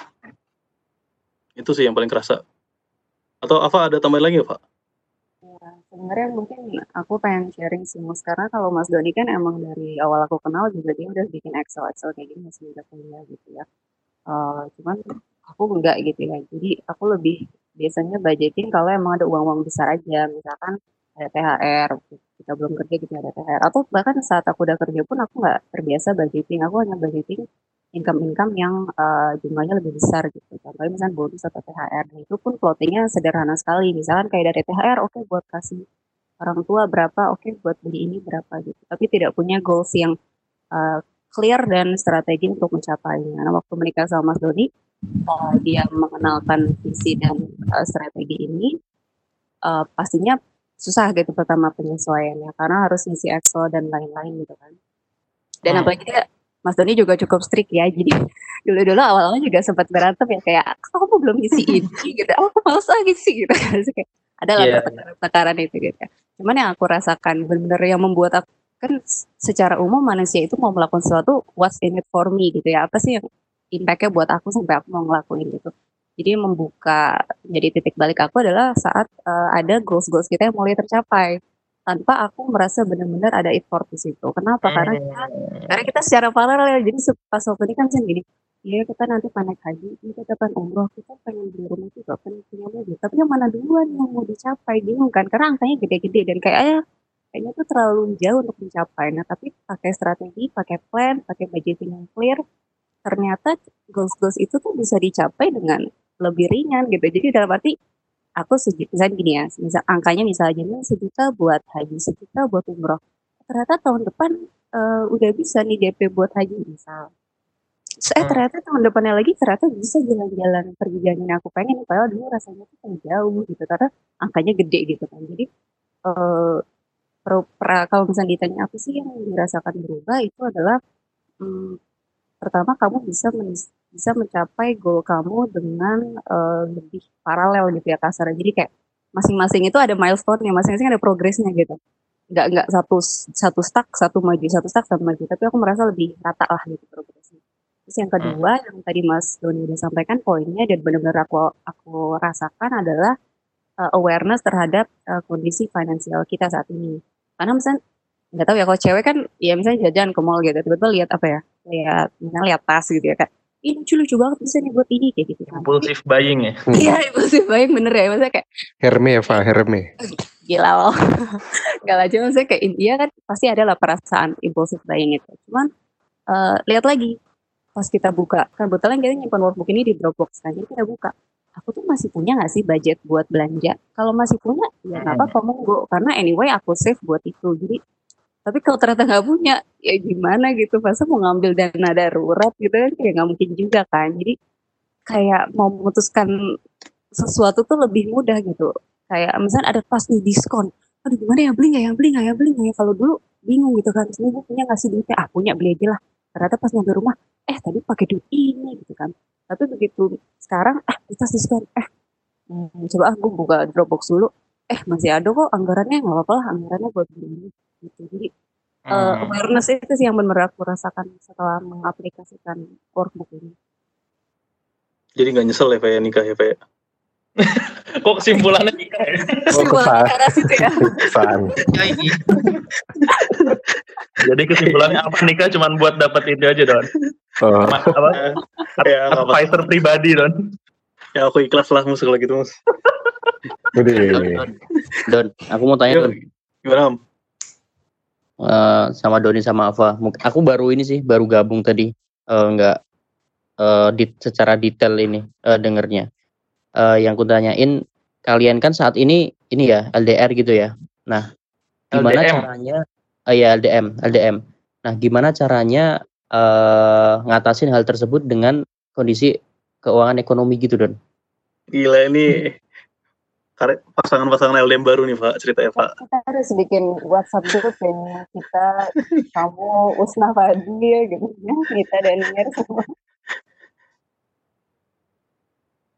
Gimana tuh? Jadi masalah apa sih yang intinya Pak? Maksudnya itu masalah masalah dalam hal apa nih? Dalam ngerekapnya ini kah atau gimana kah? Nah, kalian eh, dari ekonomi kalian eh, disisikan berapa dananya, terus setiap berapa range waktunya kalian bertemu gitu? Hmm, gitu. Oh, Iya. aku tahu maksud kamu kayaknya karena tinggalnya terpisah jadi living cost-nya masing-masing gitu ya. Itu bukan sih, Kam? Maksudnya harus ada kos sendiri cuman buat itu kah? Cuman buat ketemu gitu kah? Dibayarin Doni lah. Iya. Nggak, Iya, tapi seperti jujur eh, awal-awalnya Bayarin di kita report lah. awal-awalnya kita nggak ada pos khusus buat cuti ham. Jadi yang terjadi adalah mungkin setahun pertama itu eh, setiap kali Mas Doni cuti, ya namanya orang cuti ya, namanya dari Papua ke Jakarta isinya mall deh kayak "Ini pengen jajan ini ya, pengen jajan ini gitu ya, latah ya, latah gitu kan. Iya, iya. Coba restoran ini baru. Jadi yang ada kelamaan boncos. Jadi eh, kita emang udah punya pos buat eh, kayak jajan gitu, tapi eh, kayak nggak terlalu serius waktu itu diisinya gitu ya. Nah, lama kelamaan kok kita merasa kayaknya kos waktu cuti ini gede juga ya gitu kan. Nah karena cuti, eh karena gede, jadi kita pikir lebih baik kalau dianggarkan. Nah makanya ada di sini ada nggak ya? Nggak ada ya. Jadi di Excel kita sebenarnya ada namanya eh, kita nyebutnya RNR, Rest and apa Recreation. Jadi Recreation. eh, itu adalah pos khusus yang kita alokasikan untuk Mas Doni cuti. Jadi nanti waktu Mas Doni cuti kita nggak ada perasaan bersalah ke dana kita yang lain gitu. Karena memang anyway setiap bulan kita udah nyisihin sedikit sedikit tapi nanti waktu Mas Doni cuti kayak alhamdulillah udah ada budgetnya. Gitu sih cara kita paham. Oh ya, sip sip sip. Karena kalau nggak dibudgetin pasti itu kayak pertama merasa bersalah, kedua lama-lama boncos juga gitu. Mm-mm. Dan tambahan lagi nih, Ham kalau masukmu tadi eh, role dalam keuangan tadi kan misalnya keluar untuk LDM nih, itu kan berarti Hmm. untuk makan bisa, untuk eh, hidup misalnya nyewa juga bisa gitu kan. Nah itu sebenarnya Iya, tinggal iya. kita budgetin lagi aja. Nah juga kan sebenarnya dalam kita waktu nikah itu baiknya emang kalau dari sarannya si advisor-advisor ini itu kayak kita nentuin dulu nih deal-dealan dulu kita nih eh, pendanaan keluarganya ini mau bagaimana apakah yang duit suami 100% buat istri eh buat keluarga sorry ataukah nanti ada eh, suami ngasih berapa istri ngasih berapa diplot ke kantongnya mana nah itu biasanya advisor-advisor tuh punya beberapa pilihan dan itu tergantung dari kita masing-masing juga sih sebenarnya misalnya nanti kebutuhan istri kayak sewa rumah atau makan itu dari punya suami semua atau gimana itu dililan kita masing-masing aja nggak ada benar nggak ada salahnya Oke oke. Terkadang eh kita sudah kayak gini aku. Kan LDM juga nih. Eh, sudah eh, apa menjadwalkan, menschedulkan semuanya kita bertemu setiap berapa minggu sekali. Eh ternyata ada sesuatu hal entah kangen atau apa, jadi hal tersebut tidak bisa ini terbantahkan gitu. Itu yang sulit. iya sih kalau cuti kayak gitu ya kalau aku kan kebetulan roster jadi kan lebih gampang dalam ngira-ngira kapan nih mau kangen juga kalau belum roster ya apa boleh buat nggak bisa harus tahan dulu gitu cuman ya kalau misalnya kayak gitu ya enak aja kamu tinggal gedein pos kangen tiba-tiba Ya bener juga ya. Tapi sekarang udah ada belum ham pos pos khusus untuk itu kan? Aku cuma nanya sharing aja sih. Kalau kamu nggak pernah. Eh, jadi kalau pos khusus untuk ketemuan itu eh, kami ada sih. Jadi kami ngebuatnya dua minggu sekali gitu. Eh, itu ininya apa namanya defaultnya kami seperti eh, gitu dua minggu sekali. Jadi udah kami anggarkan sih gitu. Ya, berarti udah dianggarkan. Cuman yang sulit adalah kalau tiba-tiba eh, lebih cepat dari dua minggu sekali. Iya itu bener. Tanya dong tadi nggak ngikutin dari awal sih sebenarnya, tapi mau tanya. Itu kan berarti bakal diupdate ya di data Excel-nya tadi. Nah, biasanya tuh tuh update-nya tuh tiap kapan sih? Sebulan kah? Sehari? Seminggu? Karena kan biasanya kalau kelamaan makin lama makin susah ya di trackingnya udah buat apa aja sih kalau misalnya nggak update. Nah, ada strategi atau tips triknya nggak biar update-nya lebih praktis dan enak gitu. Terus sebenarnya? yang kedua itu eh, kan banyak pos-pos ya udah tadi buat apa, buat apa, buat apa. Nah, itu dikelolanya dalam satu rekening atau dipisah dalam beberapa rekening dan itu beberapa rekening biasanya. Oh, iya. Hmm. Aku mau jawab yang pertama boleh nggak? Strateginya mesti ada yang galak. mesti ada yang strict sih satu. Jadi eh, saling maksudnya menikah itu kan bukan bukan kayak kamu salah kamu benar tapi kompromi. Jadi kita ngerti aja gitu kalau misalkan Mas Doni ngerti kalau aku tuh nggak teratur gitu dulu ya mungkin bahkan sampai sekarang gitu eh, ngisi-ngisi nggak teratur sedangkan Mas Doni itu FYI strict banget. Jadi dia itu eh, ngisi monthly budgeting ini misalkan gaji 10 juta. Itu tidak boleh ada satu rupiah pun yang tidak ada plotnya. Nah jadi awalnya aku stres banget. Kayak aduh apa terus gue terus uang jajan gue gue taruh mana? Kayak gitu kan. Jadi eh eh, apa namanya mungkin biar disiplin gini, ini, ini kan sebuah hal yang baik ya. Jadi sebuah hal yang baik. Jadi aku pasti mau ngikutin. Cuma eh, susah susah gimana biar disiplin? Emang mm, paling gampang adalah setelah gajian. Jadi setelah gajian sebelum apa-apa sebelum ada pengeluaran apa pun dari uang gaji langsung buka Excel. Kalau aku sekarang jadi gitu. Tapi aku nggak se-strict itu juga sih. Enggak kalau juga kita seenaknya juga kapan mau ngupdate ya ngupdate. iya maksudnya lama kebutuhannya kebutuhan itu makin cepet nih rasanya. Bulanan makin butuh bulanan makin butuh diupdate. Betul, betul. Maksudnya kalau monthly budgeting paling gampang itu kan setelah gajian. Setelah gajian, plot plot plot, terus eh, kamu taruh taruh, baru ba- boleh misalkan gajian atau gimana kayak gitu. Untuk frekuensinya sih, Lim, kalau misalkan yang monthly budgeting biasanya sebulan sekali aja atau misalkan ada bonus, ada THR, jadinya lebih dari sekali sebulan. Tapi kalau yang tadi Mas Doni cerita yang sheet lagi dibuka ini, yang asset summary, Kapan maksimal kapan kau sekali. penasaran aja sih? Iya, tapi pada dasarnya kapan pun kamu merasa tidak aman. Misalnya Nah kayak, aduh, itu mau butuh tuh. buat monitoring gitu ya. ya misalkan tiba-tiba habis habis sering jajan gitu kan, kayak aduh gimana ya nih gue sama gue gitu ya, turun mas, apakah jadi turun, apakah naik tapi naiknya sedikit. Karena sebenarnya kalau lihat summary gini, umumnya pasti naik. Tapi mesti kita pikirin sebenarnya income kita berapa, terus naiknya berapa gitu kan. Maksudnya gini, misalnya income kita berdua di total misalkan 10 juta, tapi dari bulan satu ke bulan dua eh naik sih, tapi naiknya sejuta gitu kan. Berarti kan expense-nya gede gitu kan. Jadi eh, si aset summary ini sebenarnya tergantung kebutuhan kita pengen mengontrol dari kita sendiri sih. Kalau yang monthly budgeting tadi kan memang monthly budgeting gitu ya. Dan atau ada income masuk. Berarti tadi setelah gajian di pos-posin. Nah, kalau misalnya update, misalnya ada beli apa, beli apa, terus di kebutuhan sehari-hari lah. Itu berarti sepengennya aja atau biasanya habis beli langsung nih diupdate kayak gitu. Di Excel atau Oh. di mana sih? Excel ya. Kalau kita kebetulan nggak nggak ngupdate expense kecuali case-case tertentu. Jadi Kan berarti eh setelah diposin ya habisnya segitu mau nggak mau gitu ya. betul betul. Jadi eh yang yang yang sebenarnya menurut aku salah satu yang membuat aku mau menerima metode ini adalah ya kita kan nggak ada yang suka dimonitor ya gitu ya. Jadi waktu pertama kali aku dijelaskan oleh Mas dari metode ini aku pikir aduh gue mesti ngelaporin expense gue ntar gue jajan ketahuan gitu kan. Tapi ternyata metode ini tuh bukan untuk memonitor expense kita karena kita tuh boleh kok jajan, kita boleh kok beli karena kita kerja gitu kan, kita pantas diberikan reward. Eh, tapi seberapa besar kita boleh mereward diri kita itu sesuai dengan eh, pos yang udah kita bikin sendiri. Jadi makanya waktu kamu dapat income, pastikan memenuhi dulu kewajiban. Kewajibannya apa? Nah itu tergantung goals masing-masing. Tapi misalnya tadi ada dana darurat dan lain-lain. Nanti kalau misalkan, eh, nah di sini misalkan ada dari titik paling bawah dan sekedar expense jalan jajan. Eh ya isinya jalan jajan itu mau dibeliin apa aja ya itu terserah monggo gitu. Dan kalau aku prefer juga tidak nanya-nanya Mas Doni, kamu beli kamu beliin ya beliin ya terserah. Itu kan udah uang jajan dia gitu kan sebaliknya juga gitu kan ke mana-mananya beli apa beli apa beli apa. Oh anyway itu sudah dibudgetkan. Gitu.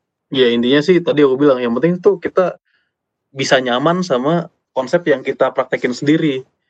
Makanya aku kurang suka juga nih kalau kita terlalu strict ke eh, ngikutin si financial advisor mana, financial advisor mana yang tahu itu kan kita tuh. Jadi ya senyamannya kita aja dulu. Kalau expense ya udah aku nggak usah kita nggak usah terlalu eh, mikirin expense expense gini yang jelas target-target utamanya ada. Kalau cuma jajan-jajan doang lah kita cuma ngeplot garis besarnya aja. Tuh. Berarti untuk expense ada rekening sendiri kali ya, biar nggak mikir expense taruh rekening ini, berarti sebulan ini habis nggak habis di rekening itu gitu. Iya sih. atau di rekening yang sama? Soalnya kan Jadi- kalau kecampur juga ngitungnya Nah, kalau kita lihat contohnya si suami istri ini si Lim. Nah, dia ngebagi rekeningnya bahkan dia punya tiga nih. Ada yang untuk payrollnya dia, ada yang buat emergency fund itu dipisahin sendiri, ada yang special purpose. Nah, special purpose ini tuh si suami istri tuh dia menggunakan special purpose ini untuk belanja-belanja yang udah ditargetin. Jadi daripada nyicil gitu kan, lebih baik kita nabung di awal. Misalnya mau beli apa nih, eh, robot vacuum cleaner nih harga 5 juta. Karena kita nggak punya, kita nggak bisa langsung dari awal punya 5 juta diplot langsung buat beli itu, ya baiknya kita nabung dulu kan. Misalnya kita cicilin, ah kita punya target nih, eh, beli vacuum cleaner nih 5 juta, dua bulan lagi, ya udah berarti bulan ini dua setengah, bulan depan dua setengah atau gimana itu nanti eh, tergantung kita juga. Tapi dari situ udah diplot, habis itu tinggal begitu duitnya ada tinggal beli. Jadi ini rekening khusus buat bercanda eh, buat bikin gituan. Nah, nanti mungkin dari special purpose ini kita punya sheet tambahan yang mendetailkan special purpose ini apa, apa aja, apa aja, apa aja gitu. Misalnya selain dia special purpose ini nggak cuman untuk ini, nggak cuman untuk beli si vakum, cuman ada juga untuk beli eh, lemari atau beli apa. Jadi kita nabung untuk beli lemari, kita beli itu, itu kelihatan kebaginya di sana. Jadi kita kadang nggak perlu punya sebanyak itu juga rekening karena kita bisa ngebagi-bagi sendiri di Excel. Di rekening ya jumlahnya tetap 50 juta, misalnya 50 juta aja. Cuman detailnya 50 juta apa empat apa aja itu dia ada di sheet Excel sendiri, sheet lah sendiri. pernah ngecek nggak itu? Dok? Kenapa? Pernah ngecek nggak? Misalnya di Excel segini, di rekening segini, ada beda gitu. Pernah kalau beda kita sering juga ya, Pak ya. Nge-tracking gitu juga. Justru harus dicek Di tracking juga, di track. heeh. Dan kadang itu tadi kita juga sering ngalamin, loh, kok angkanya beda? ya itu kan monitoringnya aja nggak bagus berarti gitu. Nah itu kan ngeselin tuh Don. Jadi gimana strategi yang biasanya? ngeselin ya. Strateginya Ah, ngeselin itu. Kayak gitu kalau misalnya beda ya, apa boleh buat kita harus bulan berikutnya harus nutupin nambalin yang minus-minus ini lagi itu jadi ya Ah, belum itu bisa kebeli. Jadi proses itu, case yang pernah kejadian juga gitu maksudnya. Jadi miss di, di sheet yang lain berkata udah dimasukin gitu ya, tapi sama uangnya ke mana. Jadi waktu dicek ke rekening kok angkanya wah gitu ya. Apa boleh buat sih kita ibaratnya ngutang sama tabungan kita sendiri. Jadi apa boleh buat di bulan ke depannya kita harus utang itu ke tabungan kita. hmm, oke Pak. Nah ini juga ini sih. Jadi kalau misalkan kita berencana nih punya komputer baru, misalnya aku sama Ava ya. Nah terus kan kita masukin di special purpose saving. Cuma karena kita eh, pengennya nabung dulu, karena menurut kita nggak emergency, cuman itu kita pengen kan. Nah ya udah kita nabung dulu. Misalnya target kita nabung selama enam bulan. Nah seringnya juga buat kita tuh selama setelah enam bulan tuh kita jadi nggak pengen lagi barang itu. Jadi eh, komputer yang kita pengenin enam bulan lalu ya udah kita ganti buat barang yang lain, barang yang lain, barang yang lain yang lebih butuh atau mungkin bisa 6 juta kita masukin ke kebutuhan-kebutuhan lain yang lebih esensial sih. Nah, jadi sebenarnya dengan cara nyicilnya di awal bukan di akhir itu keinginan-keinginan yang kadang kurang berfaedah ini bisa lebih berkurang sih. Halo, Don, Oh iya, boleh nanya? silakan.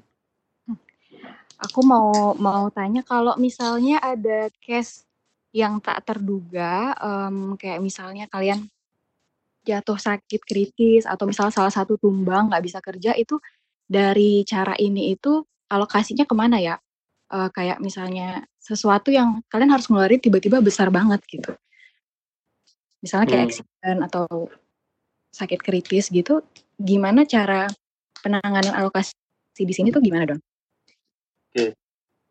Kalau itu sebenarnya yang tadi aku bilang ini deh, itu dulu. Eh, sebenarnya kalau kita mungkin agak sedikit dimudahkan ya, soalnya untuk kejadian-kejadian kayak gitu yang hubungannya dengan kesehatan itu eh, alhamdulillah di cover sama perusahaan.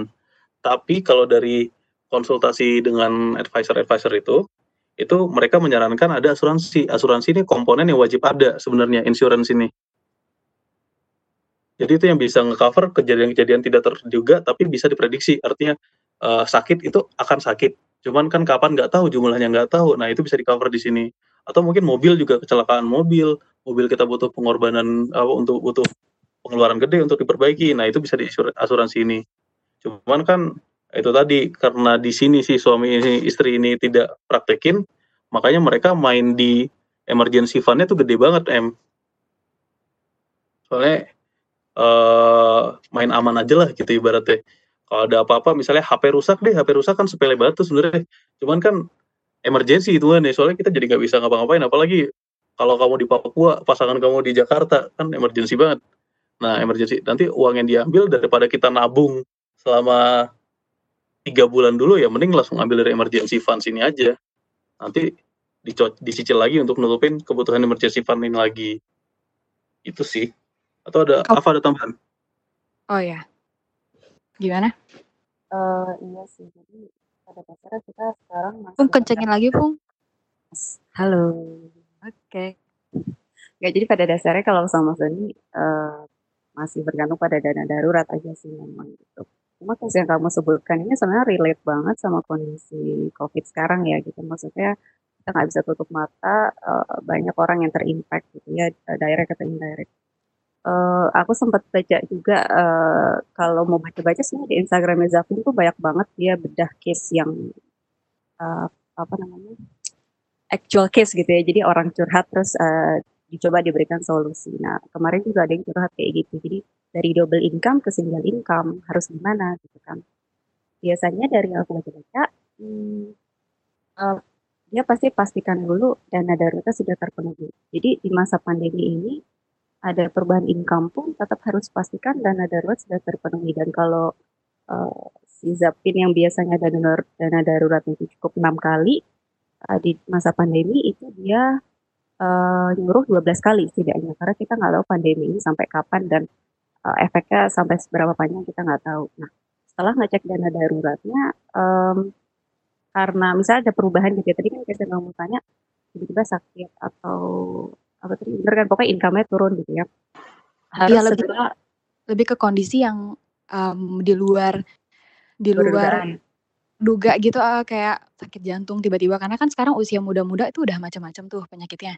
Dan itu kan biasanya jantung aja operasi bisa beberapa kali kan. Satu kali operasi itu bisa sampai 300 juta. Dan itu nggak semua perusahaan akan cover setinggi itu. Nah, itu gimana ya kita meng, meng- maksudnya mengcover dana kita sendiri dengan cara emergency fund? Apakah bisa ada alokasi sampai eh, sebesar itu atau emang disarankan pakai asuransi atau emang tanpa asuransi? Maksudnya cara kalian mengaplikasikan untuk cash itu gimana?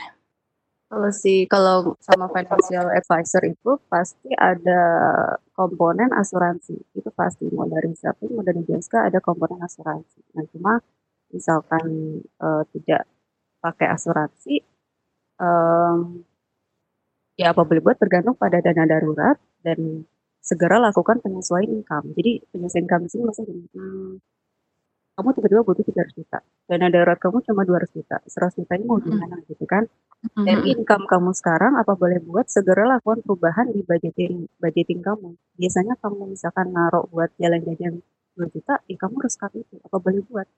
Biasa kamu taruh buat eh, living cost makan let's say 5 juta sebulan, kamu harus segera lakukan penyesuaian. Apa boleh buat ini emergency case gitu kan. Jadi dari yang aku Hmm. baca-baca di Zapin juga gitu. Jadi eh, harus segera lakukan penyesuaian income. Dan kalau memang living cost sudah sudah tidak bisa ditekan lagi, dari aku baca-baca ya ini setahu aku dari aku baca-baca itu ya apa boleh buat memang harus mencari tambahan income. Biasanya biasanya sih gitu ya aku baca-baca dari Zafin atau beberapa kali dijelaskan memang harus segera lah pokoknya begitu kita tahu ada case kayak gini terjadi nggak boleh apa ya nggak boleh denial gitu ya kasarnya tidak boleh denial bahwa akan ada pengeluaran seperti ini segera lakukan penyesuaian di budgeting kita terus eh, harus cari income baru. Hmm, berarti berarti ada kalau gitu Mhm. ini ya kayak apa namanya eh, ada semacam health indikatornya lah ibaratnya untuk keuangan itu sendiri. Dan mungkin eh kalau mau ribet bisa bikin plan A plan B sih. Jadi kondisi emergency keuangan kita budgetingnya bakal gimana? Kondisi itu cuma kan ribet banget kan. Ya tergantung teman-teman sih. Gitu Misalkan kalau tiba-tiba ada penurunan income hingga 50%, budgeting kita mau seperti apa biar nanti nggak kaget gitu. Bisa juga tuh Mas ide kayak gitu. Oh, jadi kalau ada kondisi kayak gitu dan, mmm, kasusnya kita benar-benar compang-camping banget, jadi satu tumbang nggak bisa nggak bisa cover dan dan yang tinggal satu ini juga gajinya juga pas-pasan dengan segala pengeluarannya, itu berarti kalian akan, mmm, balik lagi, atur lagi sama si finan financial advisor-nya itu, ini dalam kondisi kalian nggak pakai asuransi sama sekali. Itu itu gimana? Misalnya dal kalian ngadepin hal kayak gitu? Pertanyaannya bikin sedih ya. Sebe sejujurnya belum kebayang sih, aku cuma cuma memang beberapa kali tapi case kayak gini ditanyakan sih. Mungkin teman kalau mau buka Instagram Zafin juga, beberapa kali ada orang yang nanya kayak gitu kan, karena kondisi pandemi. Sebenarnya Fung, da aku sih pernah lihat Joska tapi nggak mendalami gitu. Hmm. Penasaran juga sih tapi belum mendalami aja. Itu mereka sebenarnya tuh anti asuransi apa gimana ya? Oh, Karena enggak enggak. Oh enggak ya, tapi Mereka ada komponen asuransi Oh pasti ada Zaf mhm. komponennya. Itu komponen wajib kalau buat mereka malah. Komponen wajib, betul em Jadi berarti tetap ada pilihan itu, tapi nanti mereka kayak kasih pilihan gitu ya? Eee, "Eh, ini ada asuransi ini ini, lu mau yang mana?" Gitu nggak? Kalau iya, jadi kalau kalau kita jadi klien, eee, kalau kita mau ikut asuransi biasanya mereka ada rekomendasi namanya. Jadi, eee, dia kan pasti membedah misalkan asuransi A, B, C, la-la-la-la, premi Mmm. segini, benefit segini. Jadi dia kasih rekomendasi sih. Kalau udah jadi klien setahuku dia mau kasih rekomendasi kalau emang kita mau ikut asuransi. Oh, Nah, jadi oke. sebenarnya kalau jadi klien kalau jadi klien itu heeh kalau jadi klien itu kita ada kontraknya tuh. Sebenarnya kalau pengalaman kita di Joska itu ada kontraknya. Kita mau sampai sebatas mana dia meng-advise kita dan ikut masuk ke, eee, keuangan kita tuh ada batasnya. Nah, kalau misalnya kamu masukin komponen asuransi penawaran produk, ya mereka juga akan membantu nawarin itu dan kalau misalkan kamu udah punya sekarang asuransi ini nih, asuransi apa, nah dari mereka sendiri tuh katanya mereka bisa ngebantu nge-review, cuman kita nggak ngelakuin itu sih. Jadi aku lagi buka lagi dokumen kita dari Joska, memang dia rekomendasi, eee, ke kita Ada 2. produknya apa heeh, sesuai UP-nya, sesuai preminya, dia kasih rekomendasi gitu sih, Em. Oh, oke. Heeh heeh heeh. Iya iya iya. Eh, terus boleh boleh share nggak sih harga kontrak jasa kontraknya itu berapa? Eh, jasa financial advisor-nya mereka seperti Joska itu berapa sih per tahun? Atau ada. Itu beda-beda rahasia? tergantung tadi enggak Enggak rahasia. juga sih. Cuma itu beda-beda tergantung mana tadi aku ada nggak ya aku sebutin sih? Tergantung keparahan lah, tingkat keparahannya Kondisi kita ya? kita heeh, ter ter termasuk juga tingkat goal kita itu seberapa mustahil. Nah, itu mereka ngitung dari situ. Semakin mustahil ya semakin susah mereka ngitung ya nanti mereka ada komponen dari situ. Tapi ada Kalau starting price detailnya sih ya. Tapi ada ya ini nggak sih gambaran untuk usia-usia kayak kita kan, milenial mungkin kan kondisinya nggak jauh berbeda gitu. heeh. Itu berapa sih range Don Don? rentangnya kita setahun itu kurang lebih aku kasih range aja ya 10 sampai. 10 sampai berapa? 10 sampai 15 kali ya, ya? Oh nggak tahu juga udah lupa. Enggak, eee, yang jelas dia setahu seingat aku sih dia ada starting price-nya, Em, kalau nggak salah 11 atau 12. Oh Nah gitu. heeh, nah Oh. nanti dia bilang tergantung benar kata Mas Dudi tergantung tingkat, eee, kondisi kita juga. Misalkan let's say kita datang, "Ujuk-ujuk saya punya utang, tolong selesaikan masalah saya." Nah itu tentu lebih mahal. Terus yang kedua, seberapa besar seberapa banyak aset kita, karena biasanya dia misalkan kita kayak level pengusaha apa, dia akan sampai, eee, mencari tahu tentang aset kita kondisinya seperti apa. Jadi semakin banyak aset kita semakin mahal. Jadi starting point dia tapi memang 11 atau 12 per tahun. Kalau kita masih dianggap ecek-ecek lah ya paling masih di standar-standar. Oke. Ya, thank you. Dan sekarang kamu masih main saham gak sih? Oh, masih. Eh, enggak ding. Masih. Semenjak kapan ya? Semenjak 2019 pertengahan itu yang eh indeks kita turun tuh aku udah cash in sampai sekarang. Ya, Belum masuk lagi. Oh, Heeh. itu eh, tapi masih ada duit di sana.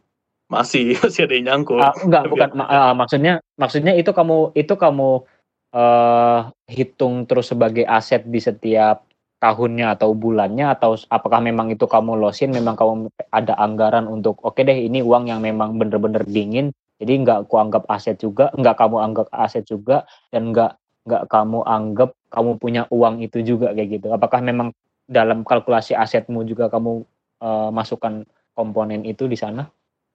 Aku hitung sih Han. Jadi kalau di sini kan misalnya si ibarat si bapak ini dia kan ngalokasiin untuk saham atau reksadana apa pun itu dia ngalokasiin satu juta per bulan. Dan ibaratnya ya itu itu kan alokasi itu kan alokasi. alokasinya. Nah, nah, tapi pada saat Oke, okay, setiap bulan kan kamu mengeluarkan duit satu juta gitu ya. Nah, pada saat okay. kamu perhitungan aset itu, apakah kamu uh, menginkludkan itu sebagai aset yang kamu punya atau memang hanya untuk okay. loss aja kasarannya itu nggak nggak aku punya kayak gitu loh. Masuk sih kalau kan, di sini saham itu sebenarnya masuk ke kalau di beberapa hampir rata-rata semua itu saham itu masuk ke aset investasi lancar. Soalnya kan cukup liquid ya sebenarnya saham itu tergantung ya, dari kita invest di mana kan, sih Hmm, cukup liquid tapi kan sebenarnya itu agak agak tricky juga sih biarpun masuknya di blue chip gitu kan tapi kan tetap blue chip aja kadang-kadang Oh, maksudnya kan, tingkat ya, fluktuatifnya ya. Iya, fluktuasinya itu uh, karena justru karena fluktuasi itu akhirnya kan kita sulit nih untuk menerka-nerka bahwa aset kita segitu kayak gitu. Uh, aku kita juga punya sir sendiri sih sebenarnya buat saham ini. Jadi ngenilai aja. Kita masih layak ke sih investasi saham? Sebenarnya kalau misalnya nih untuk investasi ini out of topic ya. Untuk saham ini itu eh, batas tahunan kita dapat benefit dari saham berapa persen sih? Kalau misalnya kemarin kita belajar itu kalau misalnya kita main saham cuman tahunan itu kita di bawah 14 persen kalau aku nggak salah keuntungan kita itu.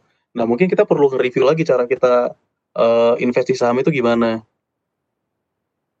Cuman kan kadang uh, ada beberapa teknik juga yang orang nyebutnya masalah funda analisis fundamental atau value investing itu kan emang jangkanya panjang. Jadi ya kadang kita harus tutup mata juga kalau misalnya emang lagi turun, cuman kalau kita percaya perusahaan ini masih baik dan ke depannya akan berkembang ya kita tutup mata aja. Dan itu tetap kita record sebagai aset kita. Soalnya kalau misalnya kamu ngelapor pajak tahunan itu kan saham juga ada termasuk komponen yang ditanyakan. Kamu punya saham berapa gitu juga ditanyakan. Oh gitu, oke, oke. Berarti tetap kalkulasi sesuai dengan nilai pada saat kamu kalkulasi ya? Pada saat kita ngecek itu, ha. Oke, oke. Nanya, Dan. Yuk, silakan Al. Uh, sebenarnya yang terkait asuransi tadi kan aku nanya di chat asuransi apa yang perlu sih uh, asuransi jiwa sebenarnya aku masih kurang paham ya terkait asuransi bukan terkait tadi kan kalau kamu ngebahasnya uh, boleh atau tidaknya ya. Cuman aku ngeliatnya hmm. uh, satu asuransi jiwa itu bagaimana dan semisal aku yeah. bertanya adalah ada contoh misalnya kan tadi kalau kamu misalnya nanti misalnya punya anak nih anak nanti masuk dalam atau masuk SMP kalau tadi kan kita ngeliatnya SD aja udah berapa gitu apakah opsi apa ya opsi asuransi pendidikan itu tetap tetap ter, apa tetap uh, bagus untuk diambil ya asuransi pendidikan itu ya. Nah itu al untuk asuransi itu kita nggak masuk terlalu banyak ya soalnya kita juga ragu ya sebenarnya. Jadi nggak mencoba mencari tahu dan waktu si konsultan ngomongin itu juga kita masih bilang masih ragu sih. Jadi dia nggak banyak menjelaskan mengenai asuransi sebenarnya. Tapi kalau misalnya, aku kira tadi kamu mau menjelaskan asuransi itu gimana kalau pandanganmu? Aku malah mau bertanya soalnya aku sempat ngelihat misalkan kita nggak tahu di tempatku kita untuk yang pensiunnya adalah DPLK ya. Nah, hmm. cari-cari informasi DPLK itu bahkan ada opsi nah kita bisa nentuin angka pensiun kita sendiri.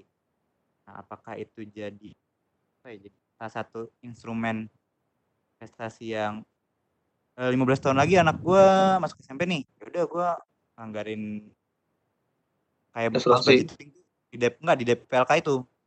Tiap bulan berapa oh. gitu. Yang kita udah ngiranya ah itu jadi padahal itu kan dana pensiun kan. Tapi kita uh-huh. membuat akun sendiri hanya untuk hanya untuk anak gua nanti masuk SMP ini maksudnya bikin DPLK baru. dari D oh bikin DPLK baru?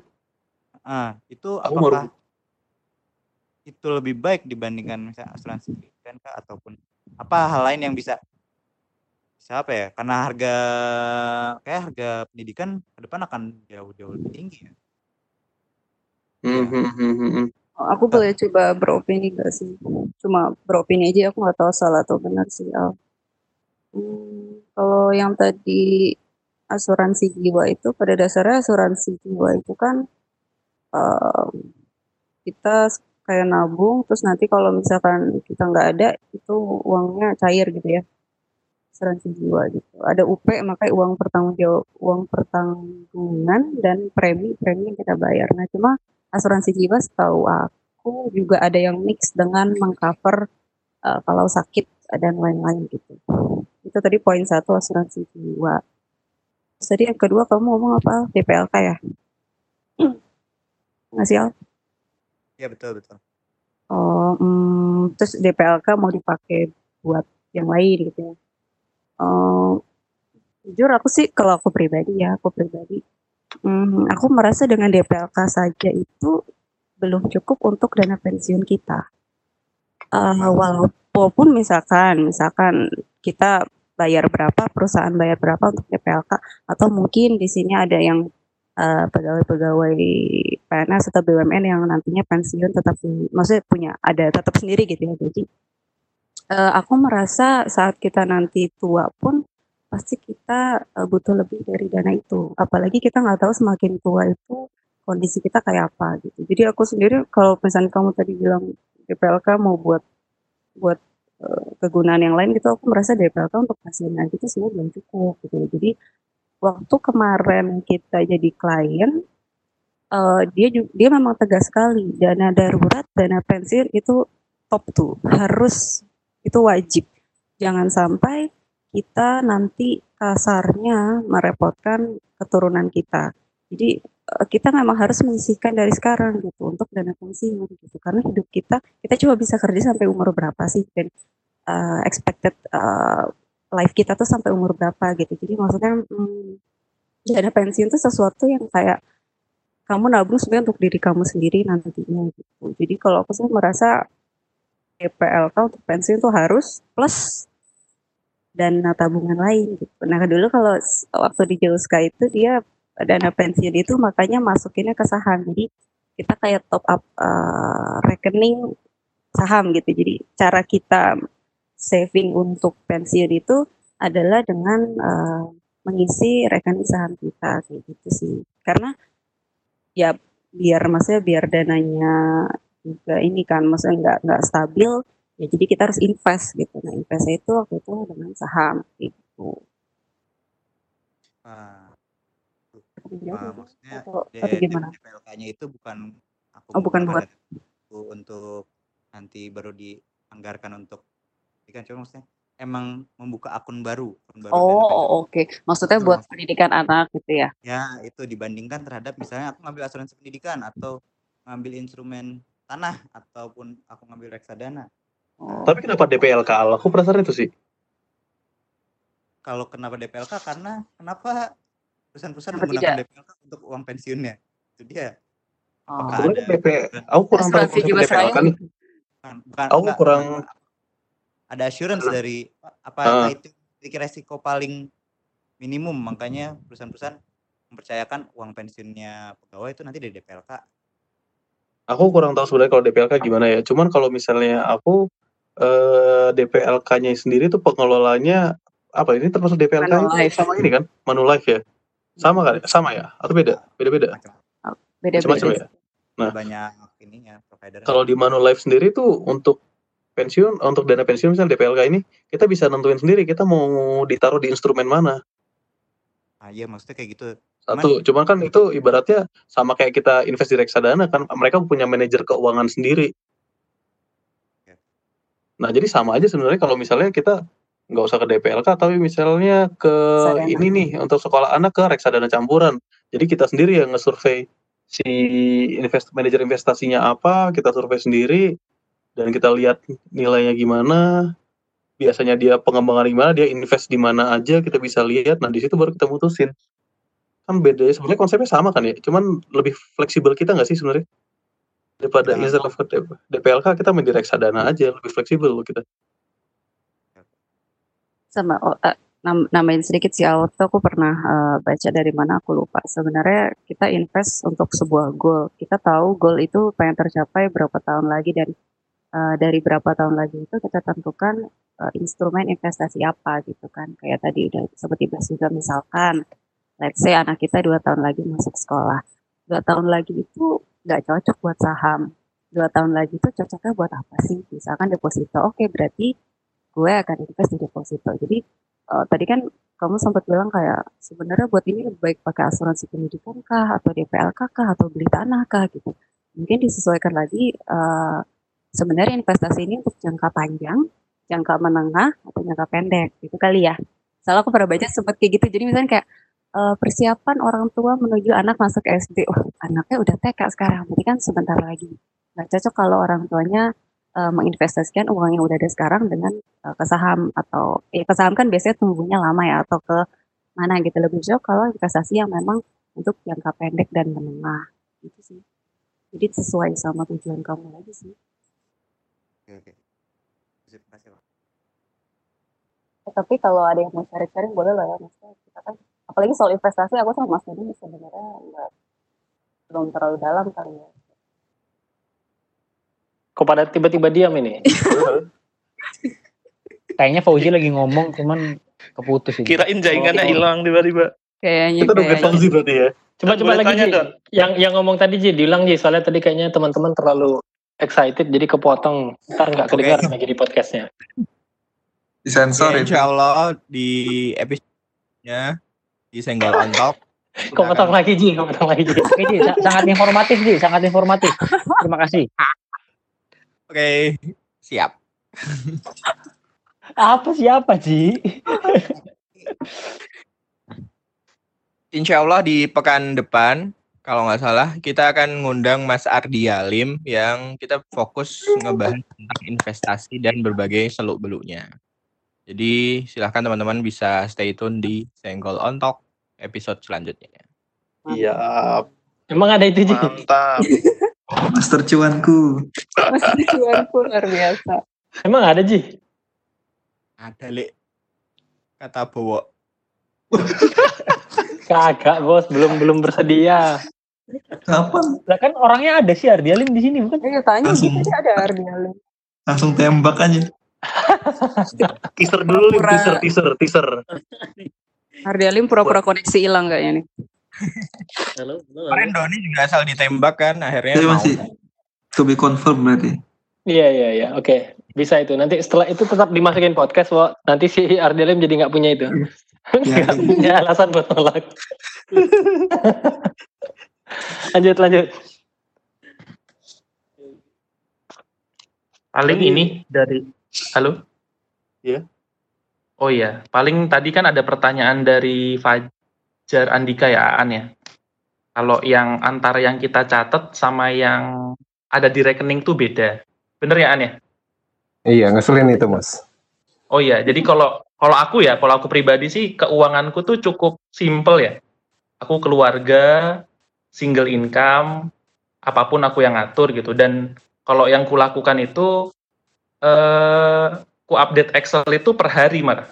Bahkan tiap transaksi kalau perlu. Kalau pas lagi nggak terlalu sibuk ya. Jadi kalau yang aku lakukan itu, aku nggak pernah sama sekali beda antara rekening dan catatan yang yang sekarang aku lakukan sesibuk apa pun sesibuk-sibuknya itu waktu mau tidur tuh tak update gitu sebenarnya gitu sih kalau kalau boleh apa kalau boleh sharing apa yang telah kulakukan aja ya itu kayak gitu sih. Jadi sejauh ini sih semuanya terdata. Cuman kalau boleh mau nyambung tadi kan kesimpulan Doni waktu akhir presentasi kan seakan-akan oh kita nggak perlu fin- financial advisor ya. Malah kalau aku pertanyaan mau kubalik gitu kalau dengan kondisi yang sekarang tuh sebenarnya aku ngerasa belum perlu juga ya. Karena semuanya serba simpel gitu sebenarnya. Dan udah ku detailin dari sebelum nikah sih sebenarnya nah itu pertanyaanku ke Doni mungkin kapan sih kita butuh gitu finan- financial advisor saat takutnya aku ngerasa aman-aman gini tiba-tiba sebenarnya butuh atau gimana gitu itu aja sih mungkin per- pertanyaan terakhir dari aku hari ini Hmm. Oke, berarti Mustafa sebenarnya simple tapi lebih ribet lagi kalau bilang ya kalau misalnya harian. Justru aku pengen aja Mus, simple. Eh, kalau misalnya tadi aku nunjukin ada tiga sheet itu kan untuk melihat itu, kalau kau kan berarti ada tambahan lagi misalnya untuk expense ya, detail expense-nya bahkan ya Mus ya. Betul betul, detail expense bahkan angkot naik misalnya pas harus naik bis atau angkot gitu tak catat semua. Wah itu luar luar biasa lagi. Luar biasa. itu, itu berdasarkan pengalaman udah tahunan don. Ya, Dari 2015 aku, apa? aku dulu mau nyoba malah gagal bos kayak gitu bos malah nggak kesampaian. Kurang konsisten berarti. Nah. Oh iya mungkin. tapi tadi ya, kenapa kapan kita butuh financial advisor? Jadi aku berbagi dulu, aku nggak bilang kita nggak butuh financial advisor ya, takutnya nanti aku dikomplain lagi kan. Oh iya, berarti aku salah Kita tetap butuh, kita tetap butuh nih. Tapi dalam kasus apa kalau menurutku? Tapi kalau selama kita bisa manage dengan baik, apalagi kamu sampai uh, sampai punya catatan expense, aku bilang sih udah cukup baik banget. Soalnya rata-rata hmm. financial advisor tuh yang di highlight adalah goalmu apa, targetnya apa, apa cara mencapainya gimana, dan mereka bantu mengkontrol. Hmm. Yang aku rasain kemarin itu. Nah, tapi kan kadang tuh kalau kenapa nih aku tiba-tiba tertarik financial advisor tuh kadang aku pengen uh, dapat pandangan profesional nih sebenarnya kondisi keuanganku gimana sih itu sebenarnya. Karena aku dari sebelumnya cuma belajar dari buku, baca-baca buku, baca buku atau baca dari sosial medianya mereka. Hmm. Jadi kalau menurutku kapan kita butuh financial advisor tuh paling pertama saat kita bingung. Misalnya kayak tadi kalau kita tiba-tiba dapat uang misalnya dapat uh, rezeki 3 m. Nah kita kan bingung tuh mau taruh mana ya.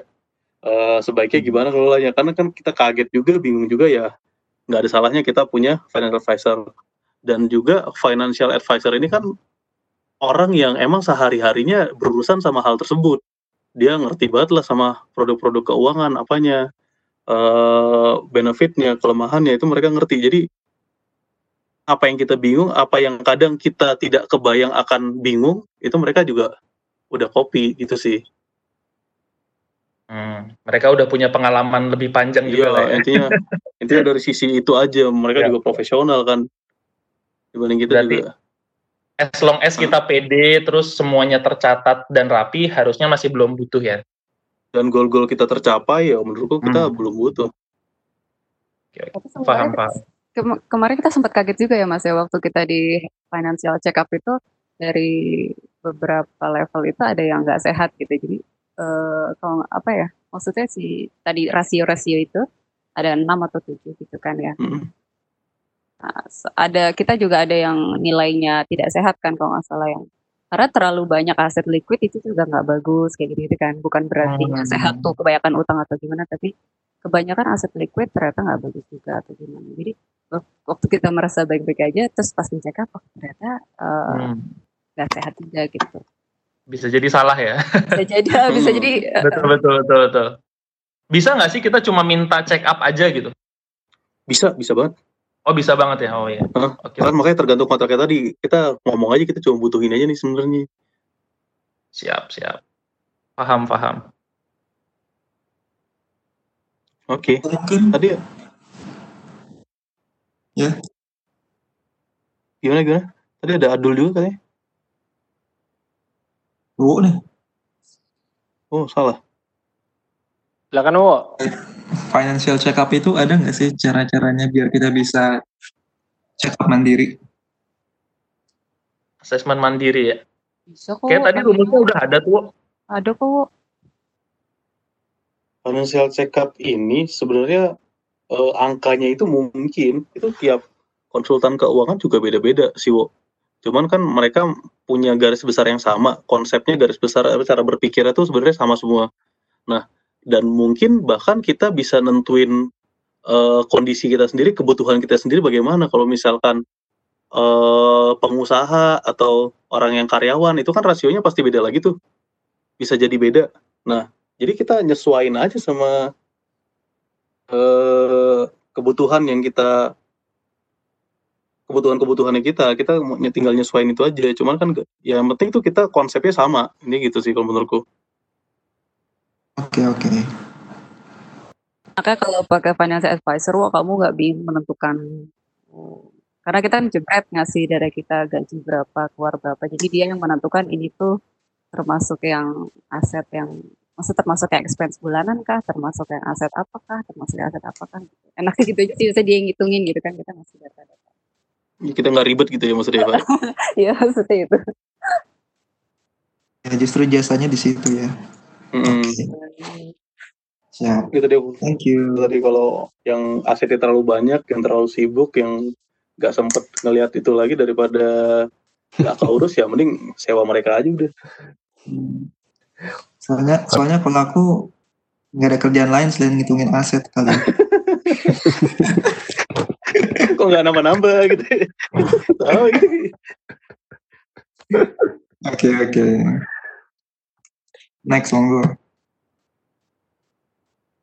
Kalau angka persentase di apa parameter-parameternya itu tuh kayak tersebar bebas gitu nggak sih atau masing-masing kayak punya eksklusif sendiri gitu. Jadi kayaknya si advisor ini dia punya angka sendiri dan itu kayak rahasia gitu dan kalian sebenarnya malam ini sedang membocorkan rahasianya financial Nah advisor. sebelum sebelum ini kita udah baca kontraknya juga sih, kita udah nge-review lagi kontraknya nggak ada masalah nge-sharing ini nggak ada masalah-masalah kok insya Allah Ci. Jadi senggol ontok insya Allah nggak bakal dituntut lah. nah, PPT-nya nggak keluar kan Ji tapi Ji. Ntar kita coba sewa lawyer. AdSense udah cukup kok. Rahasia dapur itu. Oke siap. Ji, tapi untuk beberapa rasio sebenarnya cukup eh, general sih. Misalkan kayak debt to asset, eh sorry bukan debt to asset, debt service itu memang kita dengar di mana-mana di bawah 30% kan gitu. Tapi untuk kayak liquidity dan lain-lain, kalau aku kemarin sempat bandingin emang agak beda-beda ya. Maksudnya kita sempat bandingin juga ya. Hmm. Tapi untuk beberapa rasio sebenarnya cukup sama kayak si utang itu rasio utang itu mirip-mirip lah. Makanya mereka aja beda-beda juga kita berarti bisa nentuin angkanya sendiri, ngeliat kondisi kita sendiri. Aku sih nganggapnya gitu. Hmm. Ah, Don. Nanya Don. Halo. Ah. Eh, ini inflasi dimasukin nggak di hitungan? Inflasi itu dimasukin. Tadi ini misalnya ini kan ini ada future value, ada apa dan eh, kita kan juga ngupdate tahunan ya. Jadi kita sadar kalau misalnya ada perubahan-perubahan rencana itu bisa kita review lagi sendiri. Jadi Eh, future value di sini kan sebenarnya kayak ngikutin ngitung inflasi juga kan ya sebenarnya. hmm, eh, boleh nggak dikasih contohnya Don? Nggak. Contohnya, Hmm. contohnya pension fund. Yang kayak Hmm, ngitungin kita kayak masukin inflasi ke hitungan kita gimana Don? Kayak ini kuliah kewirausahaan, future value. Waduh, aku Kayak kayak kalkulatornya juga udah banyak di sebenarnya di Google itu. Jadi ibaratnya kita tinggal masukin eh saat ini harganya berapa, terus tuh dari dengan inflasi sekarang eh oh gitu. 12 tahun lagi akan butuh berapa berarti? Hmm, jadi ya Nah, ada kalkulatornya ya yang future value ini. Ada kalau lupa rumusnya juga banyak kalkulatornya itu kayaknya. Oke, oke. Di sini di future value ya inflasi. Oke, oke. Heeh. Hmm. Atau mungkin ada yang mau koreksi kalau salah? Nggak maksudnya kan kayak kita udah capek-capek nabung, ternyata kayak karena inflasi tabungan kita udah nggak seberapa lagi nilainya gitu loh Don. Nah, itu ada Di sini sih kan? ya. Hmm. Oke, oh nice, thank you Yan. Tuh, Ryan hafal tuh. Aldian lupa nama dosen kita, Bu Alvin siapa lagi coba? Hikmah. Afrin, Al. Bu Afrin, Al. bukan Bu Alvin. Apik, Bu Aping. Oh iya, salam dari Bu Afrin. Nah, Nah itu yang ba- Yang baru kemarin ngerayain ulang tahunnya makasih yang dulu. Itu keinget banget katanya. Oke, ada lagi yang mau sharing? Gimana teman-teman? Ade tadi kayaknya mau nambah info sesuatu ini, kayaknya agak penting nih. Iya, jadi Ade tadi langsung informasinya mau sedikit update terkait tadi kan Alrian nanya terkait asuransi. Nah, Ade mau jelasin nih terkait asuransi itu Nah, ini yang kita butuhkan berarti ya. seperti apa gitu. Boleh deh langsung deh. Masuk ya, masuk. Boleh. Tadi dari zakat dulu ya. Tadi kan Doni tanya zakat juga. Iya betul. Ya kalau zakat kan Yang jelas dihitung per tahun, tapi tahunnya hijriyah paling itu aja yang sering orang lupa. Bukan tahun masehi, jadi hitungannya nanti hijriyah. Hmm. Ah. Terus kalau asuransi, yang penting tuh jangan sampai judi intinya asuransi itu. Judi itu misalnya kalau BPJS kan intinya kalau kita bolehnya asuransi itu kayak tabungan. Kalau kayak judi misalnya kita begitu kena dapat banyak, begitu enggak uang kita hilang itu judi itu nggak boleh. Kalau modelnya tabungan, begitu detail waktu kapan itu bisa diambil semua itu nggak apa-apa. Kayaknya pokoknya di situ sih. Sama gimana deh? Gimana? Oh, kalau asuransi, jadi kayak misalnya tipe-tipe BPJS tuh, itu kita kita bayar terus, kita bayar terus, terus kalau misalnya kita nggak kena ya uang kita hilang, nah itu nggak boleh. Ya. Sama kalau pas kita kena sakit, kita dapat melebihi tabungan itu juga nggak boleh. Jadi yang benar kalau pas sakit tabungannya dikeluarkan, tapi dikasih persis sejumlah dia nabung di BPJS, nggak boleh melebihi.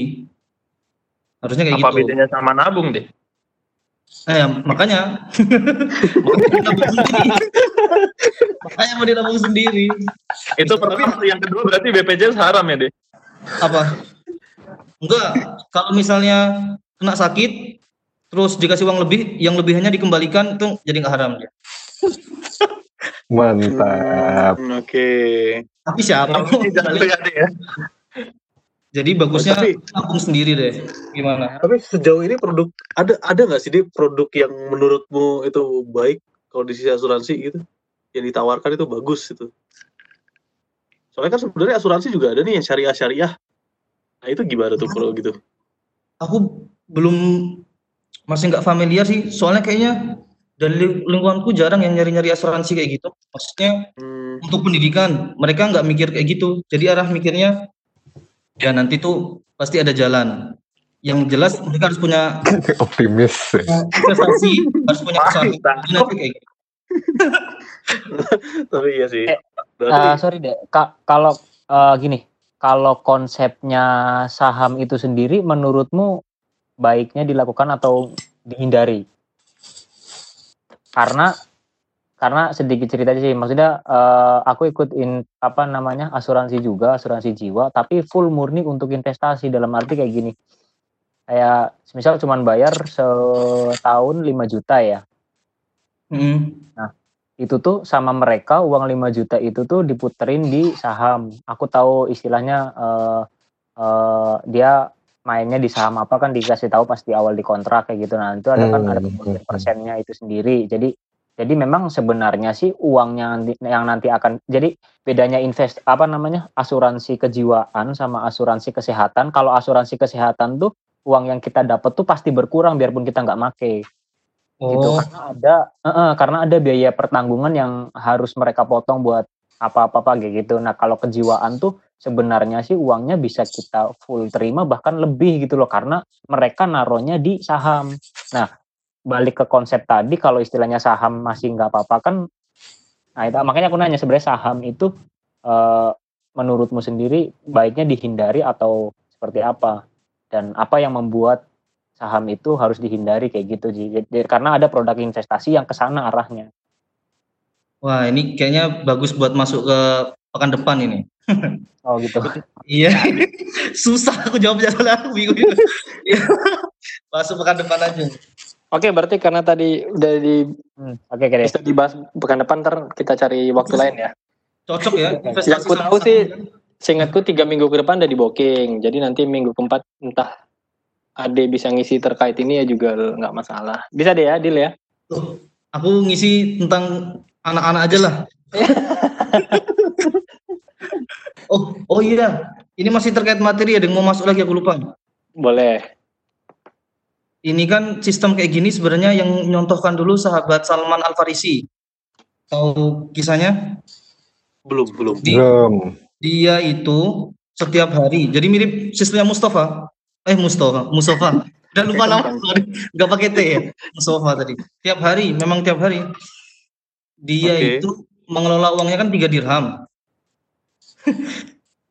Jadi yang satu dirham itu dia pakai untuk kebutuhan harian.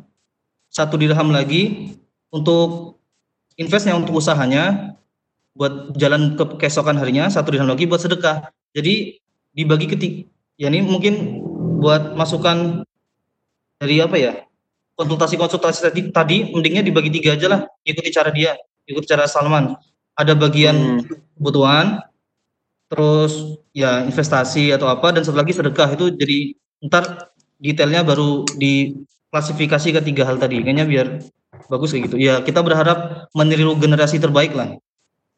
Siap. atau yang paling baik kayak siapa itu? Yang paling terkenal uangnya itu Abdurrahman bin Auf. Yang sampai itu pedagang sih. Biasanya kalau sistem kayak gini tuh hanya sering berlaku buat orang-orang yang relatif gajinya tetap. Kayaknya aku jarang lihat pedagang pakai model begini deh. Kalau kayak Abdurrahman bin Auf itu kan pedagang ya, itu dia bisa-bisa kadang tak terduganya ekstrim banget gitu loh, bisa mengeluarkan semua hartanya, bisa gimana, bisa ya banyak sisi nggak ketebaknya tuh besar sekali dibanding yang ini. Kayak gitu sih. Nah, kalau mau niru ini berarti kayak caranya Salman, coba tuh bisa dilihat ini. Itu aja sih. Don, masuk okay. Don, boleh tanya kah? Bentar aku coba nambahin Ade ya. Iya. Oh siap.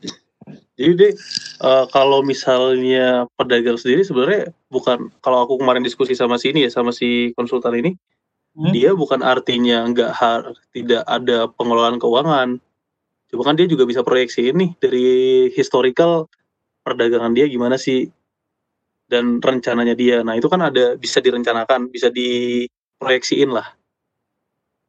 Jadi untuk pengelolaan keuangan tetap perlu, cuman bagi mereka emang kalau untuk pengusaha itu aspek tak terduganya lebih tinggi. Jadi mungkin untuk eh, kondisi-kondisi darurat itu emang kita persiapannya harus lebih tinggi.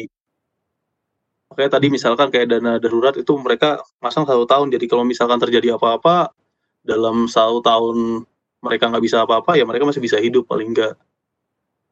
Cuman dan aku juga pernah baca hadis mana aku nggak tahu nih kesahihannya yang kemarin aku tanyakan itu di yang katanya eh, Nabi Muhammad itu menyedia menyiapkan kebut untuk kebutuhan hidupnya sampai dengan satu tahun ke depan. Di mana aku nggak tahu juga sih ini benar atau enggak yang kemarin aku share itu loh deh oh yang pas kamu tanya itu ya? Iya betul.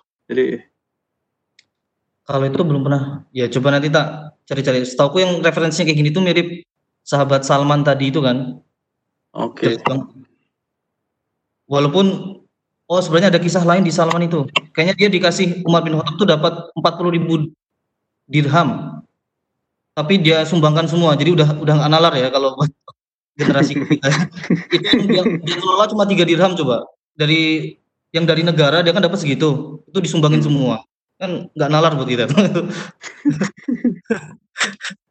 Iya generasinya.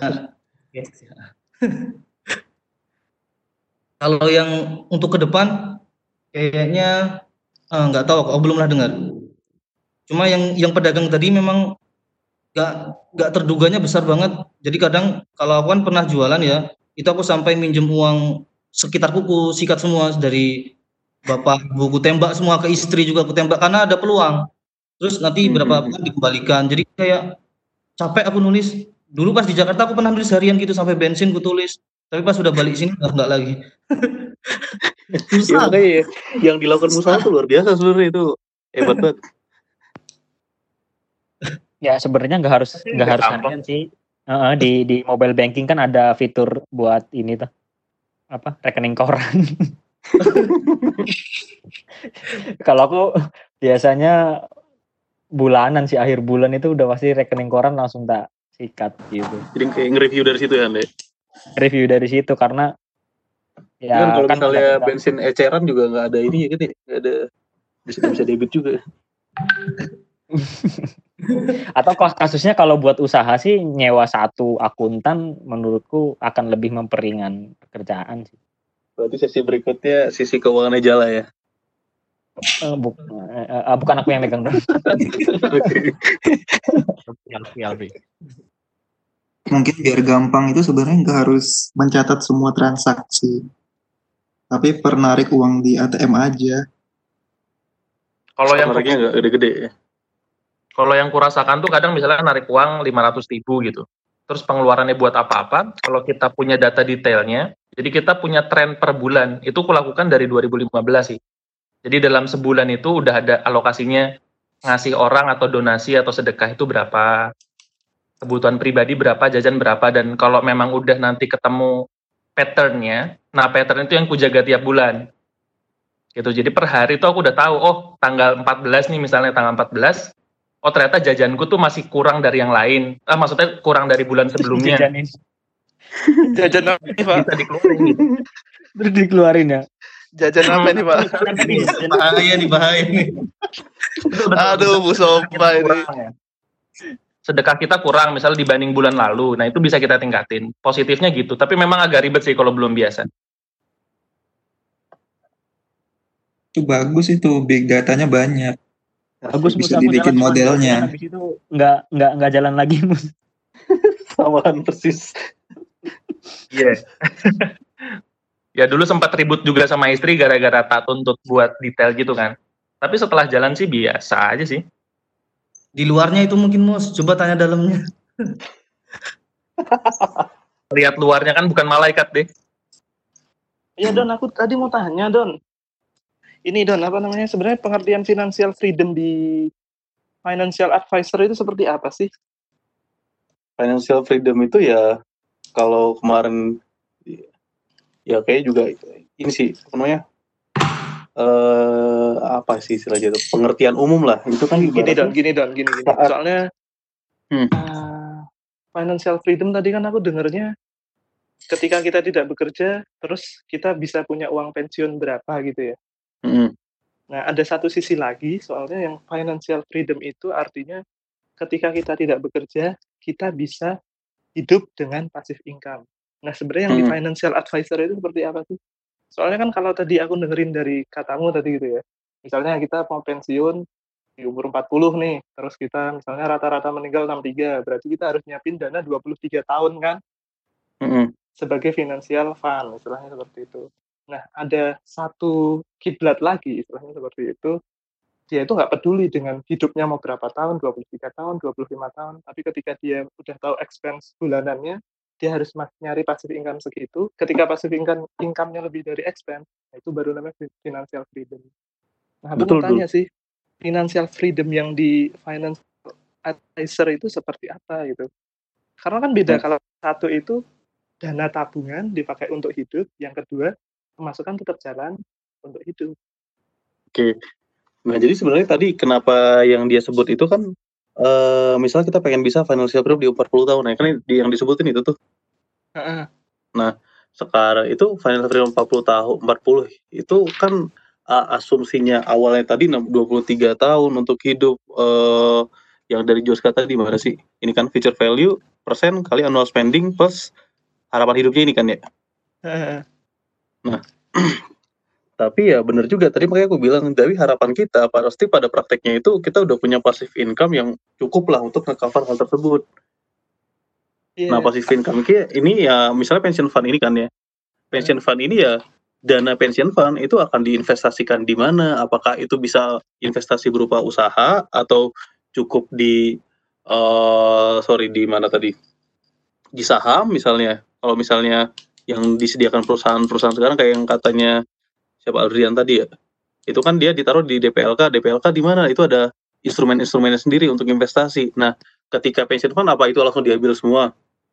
Ataukah eh bisa diterusin lagi kita ngambil dari bunganya? Nah, itu kan dilihat lagi nanti ketika kita udah di tahap itu gitu loh maksudnya. Hmm, berarti di tahap ketika 40 ya? Ya, apakah misalnya kalau kamu udah prepare usaha yang udah eh stabil, yang udah apa, nanti kan kamu bisa ngelihat dari usaha itu pendapatanmu bisa berapa nih. Tapi di satu sisi si usaha ini supaya berjalan terus juga butuh. Jadi ibaratnya ada dua finansial kalau misalnya kita pilih usaha ya ada dua finansial yang kita atur di sana. Iya, soalnya kan tadi kan kamu mengquote punyanya Robert T. Kiyosaki itu ya, Oh, yang mana tuh? yang di terakhir itu loh. Oh Di iya. halaman terakhir. Nggak, soalnya aku pernah baca di Robert T. Kiyosaki itu financial freedom itu ya passive income itu tadi soalnya makanya tadi aku oh ini wawasan baru gitu. Oh pakai pen, apa pension fund seperti itu. sama sih dasarnya dulu pension fund itu dulu soalnya, Soalnya kalau kita aku- nabung sih itu muncul, pun muncul pertanyaan sih ketika kita pakai pension fund ya. Misalkan gini. Hah? eh, oh targetnya 20 tahun kita bisa hidup dengan tabungan itu. Lah kalau kita hidupnya 40 tahun pension fund-nya kurang dong berarti. iya Iya kan? jadi Enggak, aku gini cuman- nih oke Cuman lihat di itu aja. Enggak, aku cuman memastikan aja kok. Oke, oke. Kurang Heeh. lebih jawabannya udah oke. Cuman yang aku tangkap, yang aku tangkap gitu tadi dulu, yang aku tangkap dari konsepnya pension fund mereka ya. Jadi pension fund Hmm. sebenarnya ini kan misalnya di sheet ini nih kan kelihatan nih. Jadi pension fund itu sesuatu yang diinvestasikan, bener kan? Yang sesuatu yang kita jaga, misalnya kayak sama target itu kan berubah target keuangan. Hmm. Kayak misalnya saving sekolah anak loh, ini kan saving untuk pension fund. Nah, saving eh, sekolah anak misalnya dia masukkan sama dia di reksadana campuran. Nah, pension fund ini karena dia ini ceritanya udah misalkan udah masuk di komponen perusahaan atau eh tadi yang DPLK itu kan DPLK juga ada pilihannya kita mau taruh instrumen mana tadi. Nah, sama sebenarnya jadi diinvestkan di mana. Jadi bisa juga kamu investkan di usaha.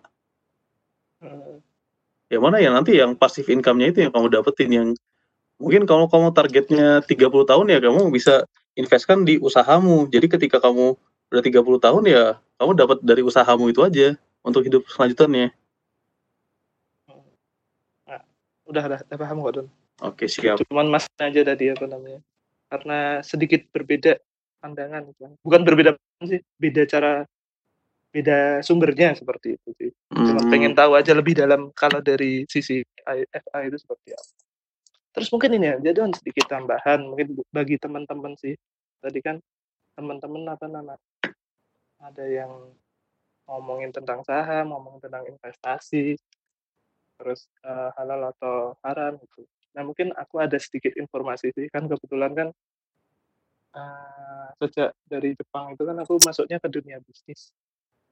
Banyak sekali sih apa di teman-teman bisnis itu dia yang butuh modal.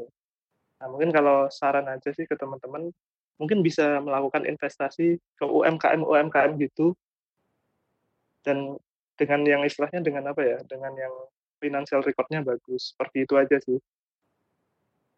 itu lebih aman kalau menurutku loh UMKM itu berarti kayak eh, sekarang ada Amarta, ada Investri, ada Amarta gitu ya dulu ya. Kalau kalau di aku bukan dan yang UMKM lebih bawah lagi istilahnya. Ini contoh realnya. Soalnya sekarang kan aku juga invest duit seperti itu. Aku invest duit di salah satu perusahaan daster lah di Malang seperti itu. Nah itu yaitu pembagiannya menggunakan ROI. Istilahnya bagi hasil atau mudharobah itu kan lebih aman. Daripada kalau misalnya kita deposito. Deposito kan jelas pakai interest berapa persen reksadana berapa persen tiga tahun dapat berapa seperti itu kan dan Hmm. saham pun juga apa namanya masih bisa dinilai abu-abu kalau nggak salah dari empat poin itu abu-abunya tiga poin kalau nggak salah aku pernah baca itu Hmm. makanya ada yang saham nyebutnya saham syariah ada yang saham istilahnya saham open saham lah kayak gitu kayak GX dan lain-lain kalau mau lebih aman aja aku cuma nginfoin aja. Soalnya ini udah aku lakuin gitu dan ya lumayan ada dapat income tambahan seperti itu sih. Kemarin berarti kalau bisa di dulu aku baru denger sih. Kalau bukan lewat amata-mata gitu dulu. Nggak, kayak ke kita kayak ke komunitas-komunitas bisnis gitu loh misalnya nih apa namanya teman kita siapa si si siapa namanya? A gitu misalnya, si A dia pengen bisnis ya udah kita lihatin lihatin apa namanya bisnis plan-nya terus dia udah pernah eksper, punya experience apa apa ya udah kita masukin aja dengan sistem berubah dari yang kulakuin itu usaha ini belum pernah minus sistem seperti itu dan hasilnya lebih tinggi daripada interest di bank seperti itu. Tapi ada ada kemungkinan harus kita harus siap rugi. Bedanya itu aja. Mhm. Kan banyak orang yang istilahnya, udahlah aku nggak mau rugi gitu. Aku masukin aja di bank. Seperti itu kan. Udah aku nggak mau rugi, aku pengen deposito aja 30 juta, pasti baliknya 30 plus depositonya bisa 6%, 8% atau berapa gitu kan. Hmm. Kayak gitu. Nah, kalau kalau yang aku sampaikan tadi emang sih sistemnya lebih beresiko, tapi menurutku itu lebih aman lah kalau dari sisi agama seperti itu. Karena kan bagi Hmm. hasil. Boleh, oke, boleh juga tuh berarti tuh. Terus kalau misalnya ada tema sharing juga. Siap, siap. Itu aja sih nanti ini. Kebetulan kemarin juga aku barusan di kontak sama yang di sana itu. Dia minta butuh modal tambahan gitu kan. Jadi sebenarnya banyak orang-orang yang butuh butuh modal yang akan dioperasionalkan secara islami. Gitu. Dan kamu langsung komunikasi ya sama si pemilik usaha ini ya berarti ya? Iya, langsung komunikasi Oke, kayak gitu. siap. Mas Ya, Adul, terima banyak kasih banyak. di di mana? Ya di daerah-daerah itu biasanya ada. Seperti itu sih. Kelebihan. Mungkin itu aja sih tambahan dari aku. Boleh masuk? Ada yang lupa disampaikan? Tadi kan, jadi faktor tak terduga itu jangan dianggap jelek sekali ya. Soalnya kalau namanya orang beriman itu kan ada istilahnya yang Allah kasih rezeki dari arah tidak terduga. Nah itu ya jangan walaupun kita juga nggak nggak terlalu nggak merencanakan, tapi kalau ada faktor tak terduga itu itu buat tanda oh kita mulai naik nih imannya kayak gitu. Kan kalau makin takwa itu arah tak terduganya makin besar. Rezeki dari arah tak terduga. Betul itu ya. Ah gitu. Ya bukan berarti kita nggak ngitung, maksudnya ya kayak gitulah. Hmm, siap, siap. Ah, siap.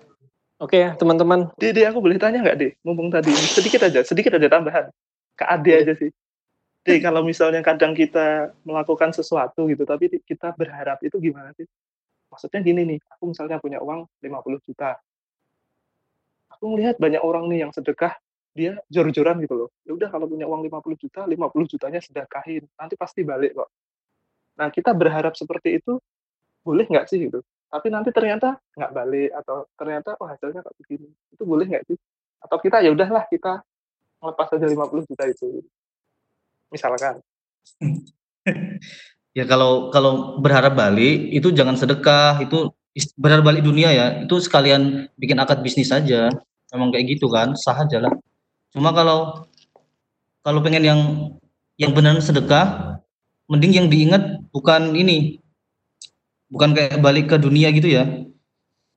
Di surat Munafikun, di surat Munafikun tuh nanti cerita orang munafik semuanya dari awal sampai akhir, terus di akhir ayat, di akhir suratnya itu nanti dijelasin kondisi orang munafik pas di alam kubur pas mereka udah mati. Nah, mereka nanti bilang kepada Allah, "Fayaqula rabbi laula akhartani." Ya Allah, kenapa engkau tidak undurkan aku ila ajalin qarib? Eh, ajalnya sedikit aja sesaat. Fa'asaddaku. Terus mereka bilang, "Maka aku akan bersedekah."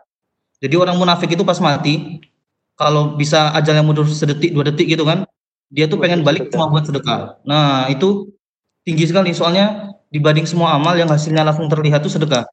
Wa fa aku minas solihin. Maka aku akan tergabung jadi orang soleh. Cepat sekali efeknya. Terus salah satu cara tercepat buat menghindari sifat munafik, misalnya kita takut, aduh, aku takut munafik, langsung sedekah aja. Itu hikmahnya sih. Utamaannya mending diarahkan ke situ aja.